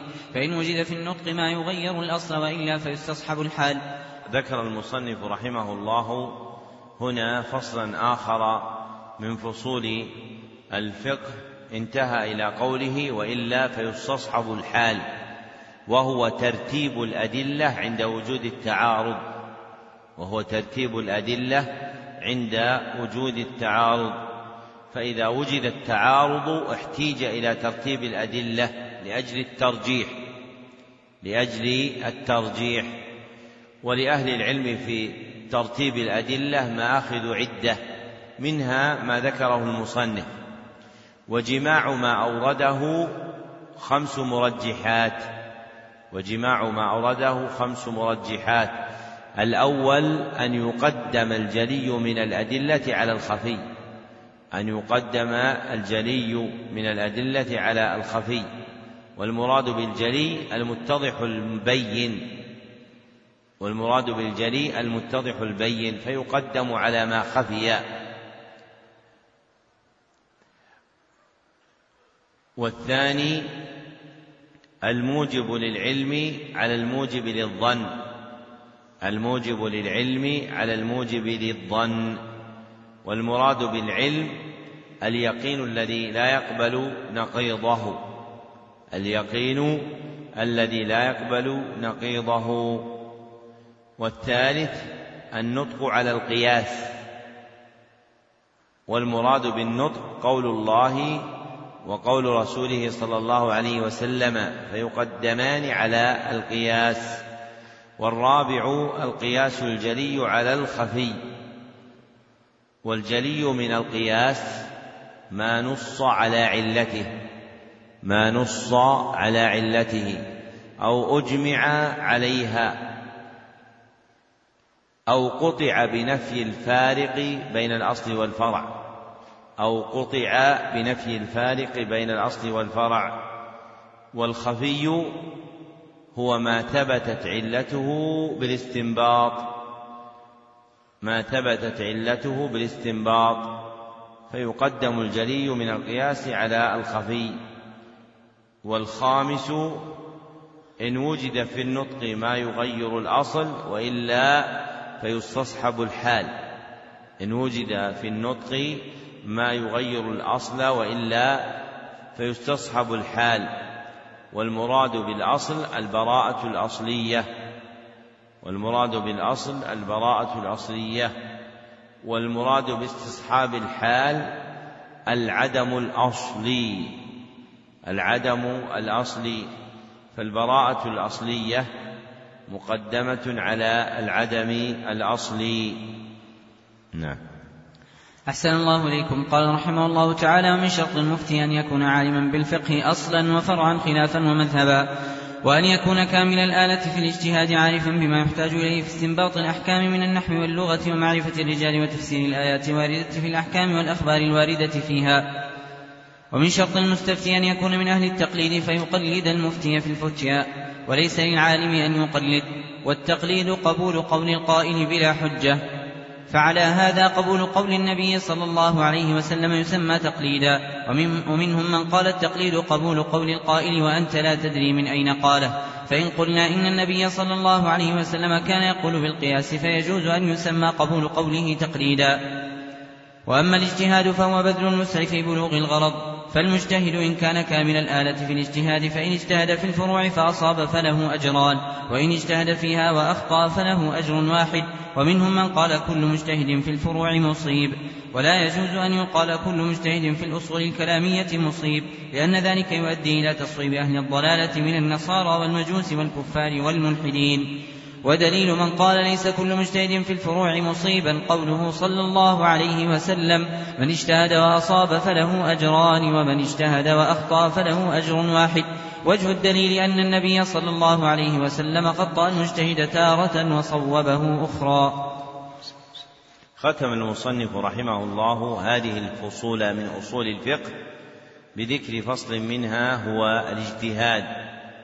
يتعلق عندهم بحال المستدل وهو المجتهد. وأشير إليه هنا بالمفتي لأن الأصل أن يكون إفتاؤه عن اجتهاد منه. فالمفتي هو المخبر عن حكم شرعي. هو المخبر عن حكم شرعي والمستفتي هو المستخبر. أي المستفهم عن حكم شرعي والمستفتي هو المستخبر أي المستفهم عن حكم شرعي. والأصل في المخبر أن يكون مجتهدا. والأصل في المخبر أن يكون مجتهدا. والأصل في المستخبر أن يكون مقلدا. وذكر المصنف جملة من شرط المفتي الذي هو المجتهد. بقوله أن يكون عالما بالفقه أصلا وفرعا خلافا ومذهبا وأن يكون كامل الآلة في الاجتهاد عارفا بما يحتاج إليه في استنباط الأحكام. وقوله أن يكون عالما بالفقه أصلا وفرعا أي أصولا وفروعا فله علم بأصول الفقه وفروعه. التي هي مسائله. فالأصل إشارة إلى أصول الفقه والفرع إشارة إلى مسائل الفقه وقوله خلافا ومذهبا أي جامعا بين علمه بفقه مذهبه خاصة وبالخلاف الواقع بين الفقهاء عامة. وقوله عارفا بما يحتاج إليه في استنباط الأحكام أي ما يفتقر إليه في استنباط الأحكام. وهذا قيد لازم إذ لا يلزمه النحو كله ولا اللغة كلها وإنما يلزمه منها ما يحتاجه لاستنباط الأحكام. فالمادة التي ينبغي أن تكون مشمولة بالعلم عند المجتهد هي ما يحتاج إليه من أنواع العلوم لتحقيق الاستنباط. هي هي ما يحتاج إليه من أنواع العلوم لأجل الاستنباط مما يجمل معه في حقه أن يكون مصيبا من كل فن بنصيب وافر ليؤديه ذلك إلى الاجتهاد. أما مع الخلو مما يحتاج إليه فليس له حق الاجتهاد.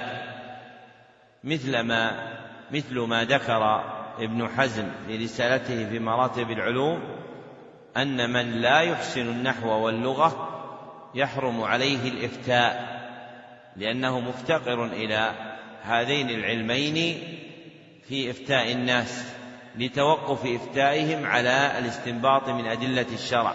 وإذا لم تكن له معرفة بالنحو واللغة فإنه لا يؤمن على إفتاء الخلق في أحكامهم.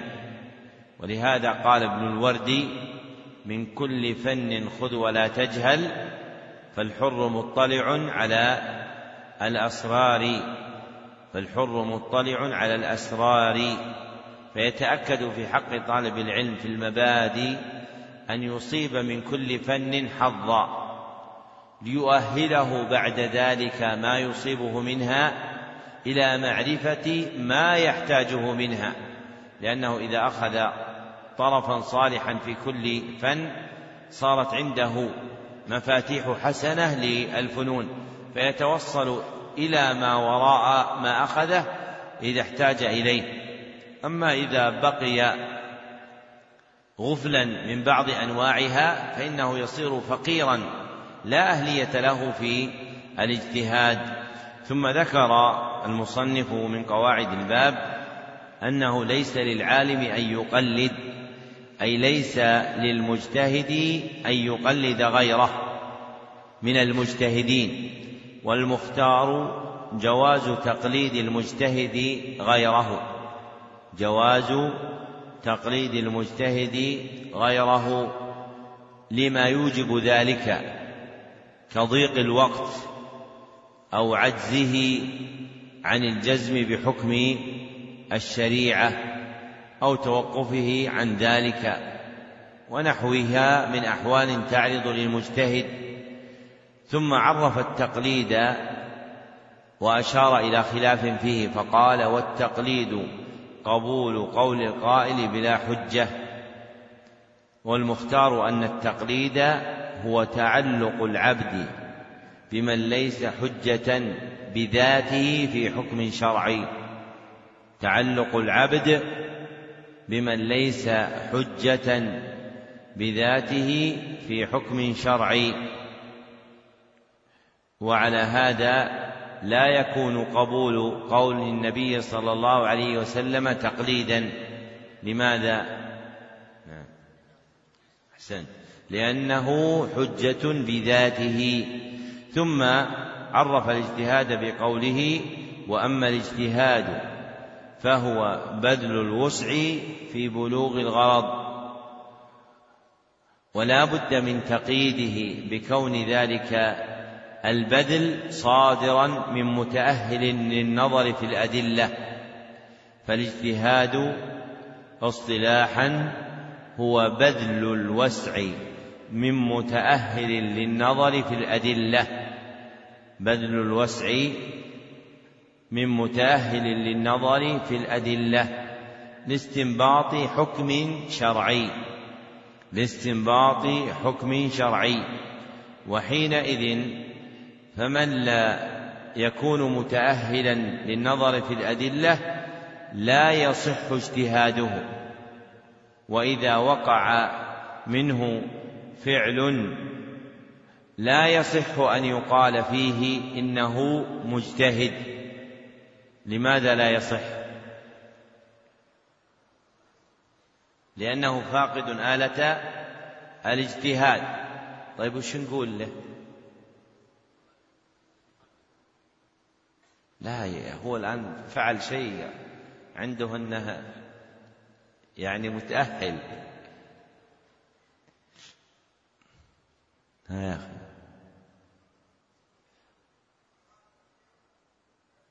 أحسن. يقال عنه إنه مريد للخير ولا يقال عنه إنه مجتهد. فالذي يفعل فعلا أو يقول قولا وهو غير متأهل لذلك لا يملك آلة الاجتهاد فلا يصح أن تقول فيه إنه مجتهد لأن الاجتهاد له حقيقة اصطلاحية لا ينبغي جعلها إلا على أهلها. فلو قال أحد المجتهدين قولا هو عند غيره خلاف الصواب فإنه يقول في حقه إنه مجتهد. وأما إن كان ذلك القائل أو الفاعل غير متأهل للنظر فلا يصح أن يقال فيه مجتهد بل يقال فيه إنه مريد للخير. والأمر فيه ما قال ابن مسعود رضي الله عنه بما رواه الدارمي بسند جيد كم من مريد للخير لن يصيبه. ثم ذكر المصنف رحمه الله تعالى مسألة تسمى تصويب المجتهدين. وهذه المسألة لها طرفان. أحدهما أن يتعلق التصويب بالأجر والآخر أن يتعلق التصويب بالحكم. أحدهما أن يتعلق التصويب بالأجر والآخر أن يتعلق التصويب بالحكم. فأما الطرف الأول وهو تصويب المجتهدين على إرادة حصول الأجر لهم فهذا مقطوع به. فهذا مقطوع به. لأن المتأهل للاجتهاد إذا اجتهد فأصاب فله أجران وإن أخطأ فله أجر. وأما بالطرف الثاني وهو إصابة الحكم فالصحيح أن مصيب الحق منهم واحد فالصحيح أن مصيب الحق منهم واحد. فليس كل فليس كل مجتهد مصيبا الحق في الحكم. فليس كل مجتهد مصيبا الحق في الحكم. لكن كل مجتهد مصيبا الحق في إيش؟ في الأجر فله أجره قطعا. إن أخطأ فله أجر وإن أصاب فله أجران. ثم ذكر رحمه الله الدليل الدال على أن المصيبة واحد وهو حديث عمرو بن عاص إذا حكم الحاكم واجتهد ثم أصاب فله أجر وإذا حكم واجتهد ثم أخطأ فله فله أجران وإذا اجتهد وإذا حكم واجتهد ثم أخطأ فله أجر. رواه الشيخان بهذا اللفظ. أما اللفظ الذي ذكره المصنف فرواه أحمد وغيره بإسناد ضعيف. وإخباره صلى الله عليه وسلم بأن المجتهد يصيب ويخطئ دليل على أن الاجتهاد إذا وقع من اثنين فأكثر فإن أحدهما مصيب والآخر مخطئ فباعتبار الحكم يمتنع تصويب المجتهدين جميعا.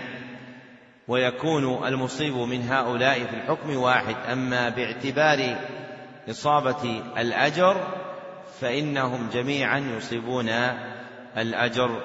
وهذا آخر بيان معاني هذا المتن بما يناسب المقام.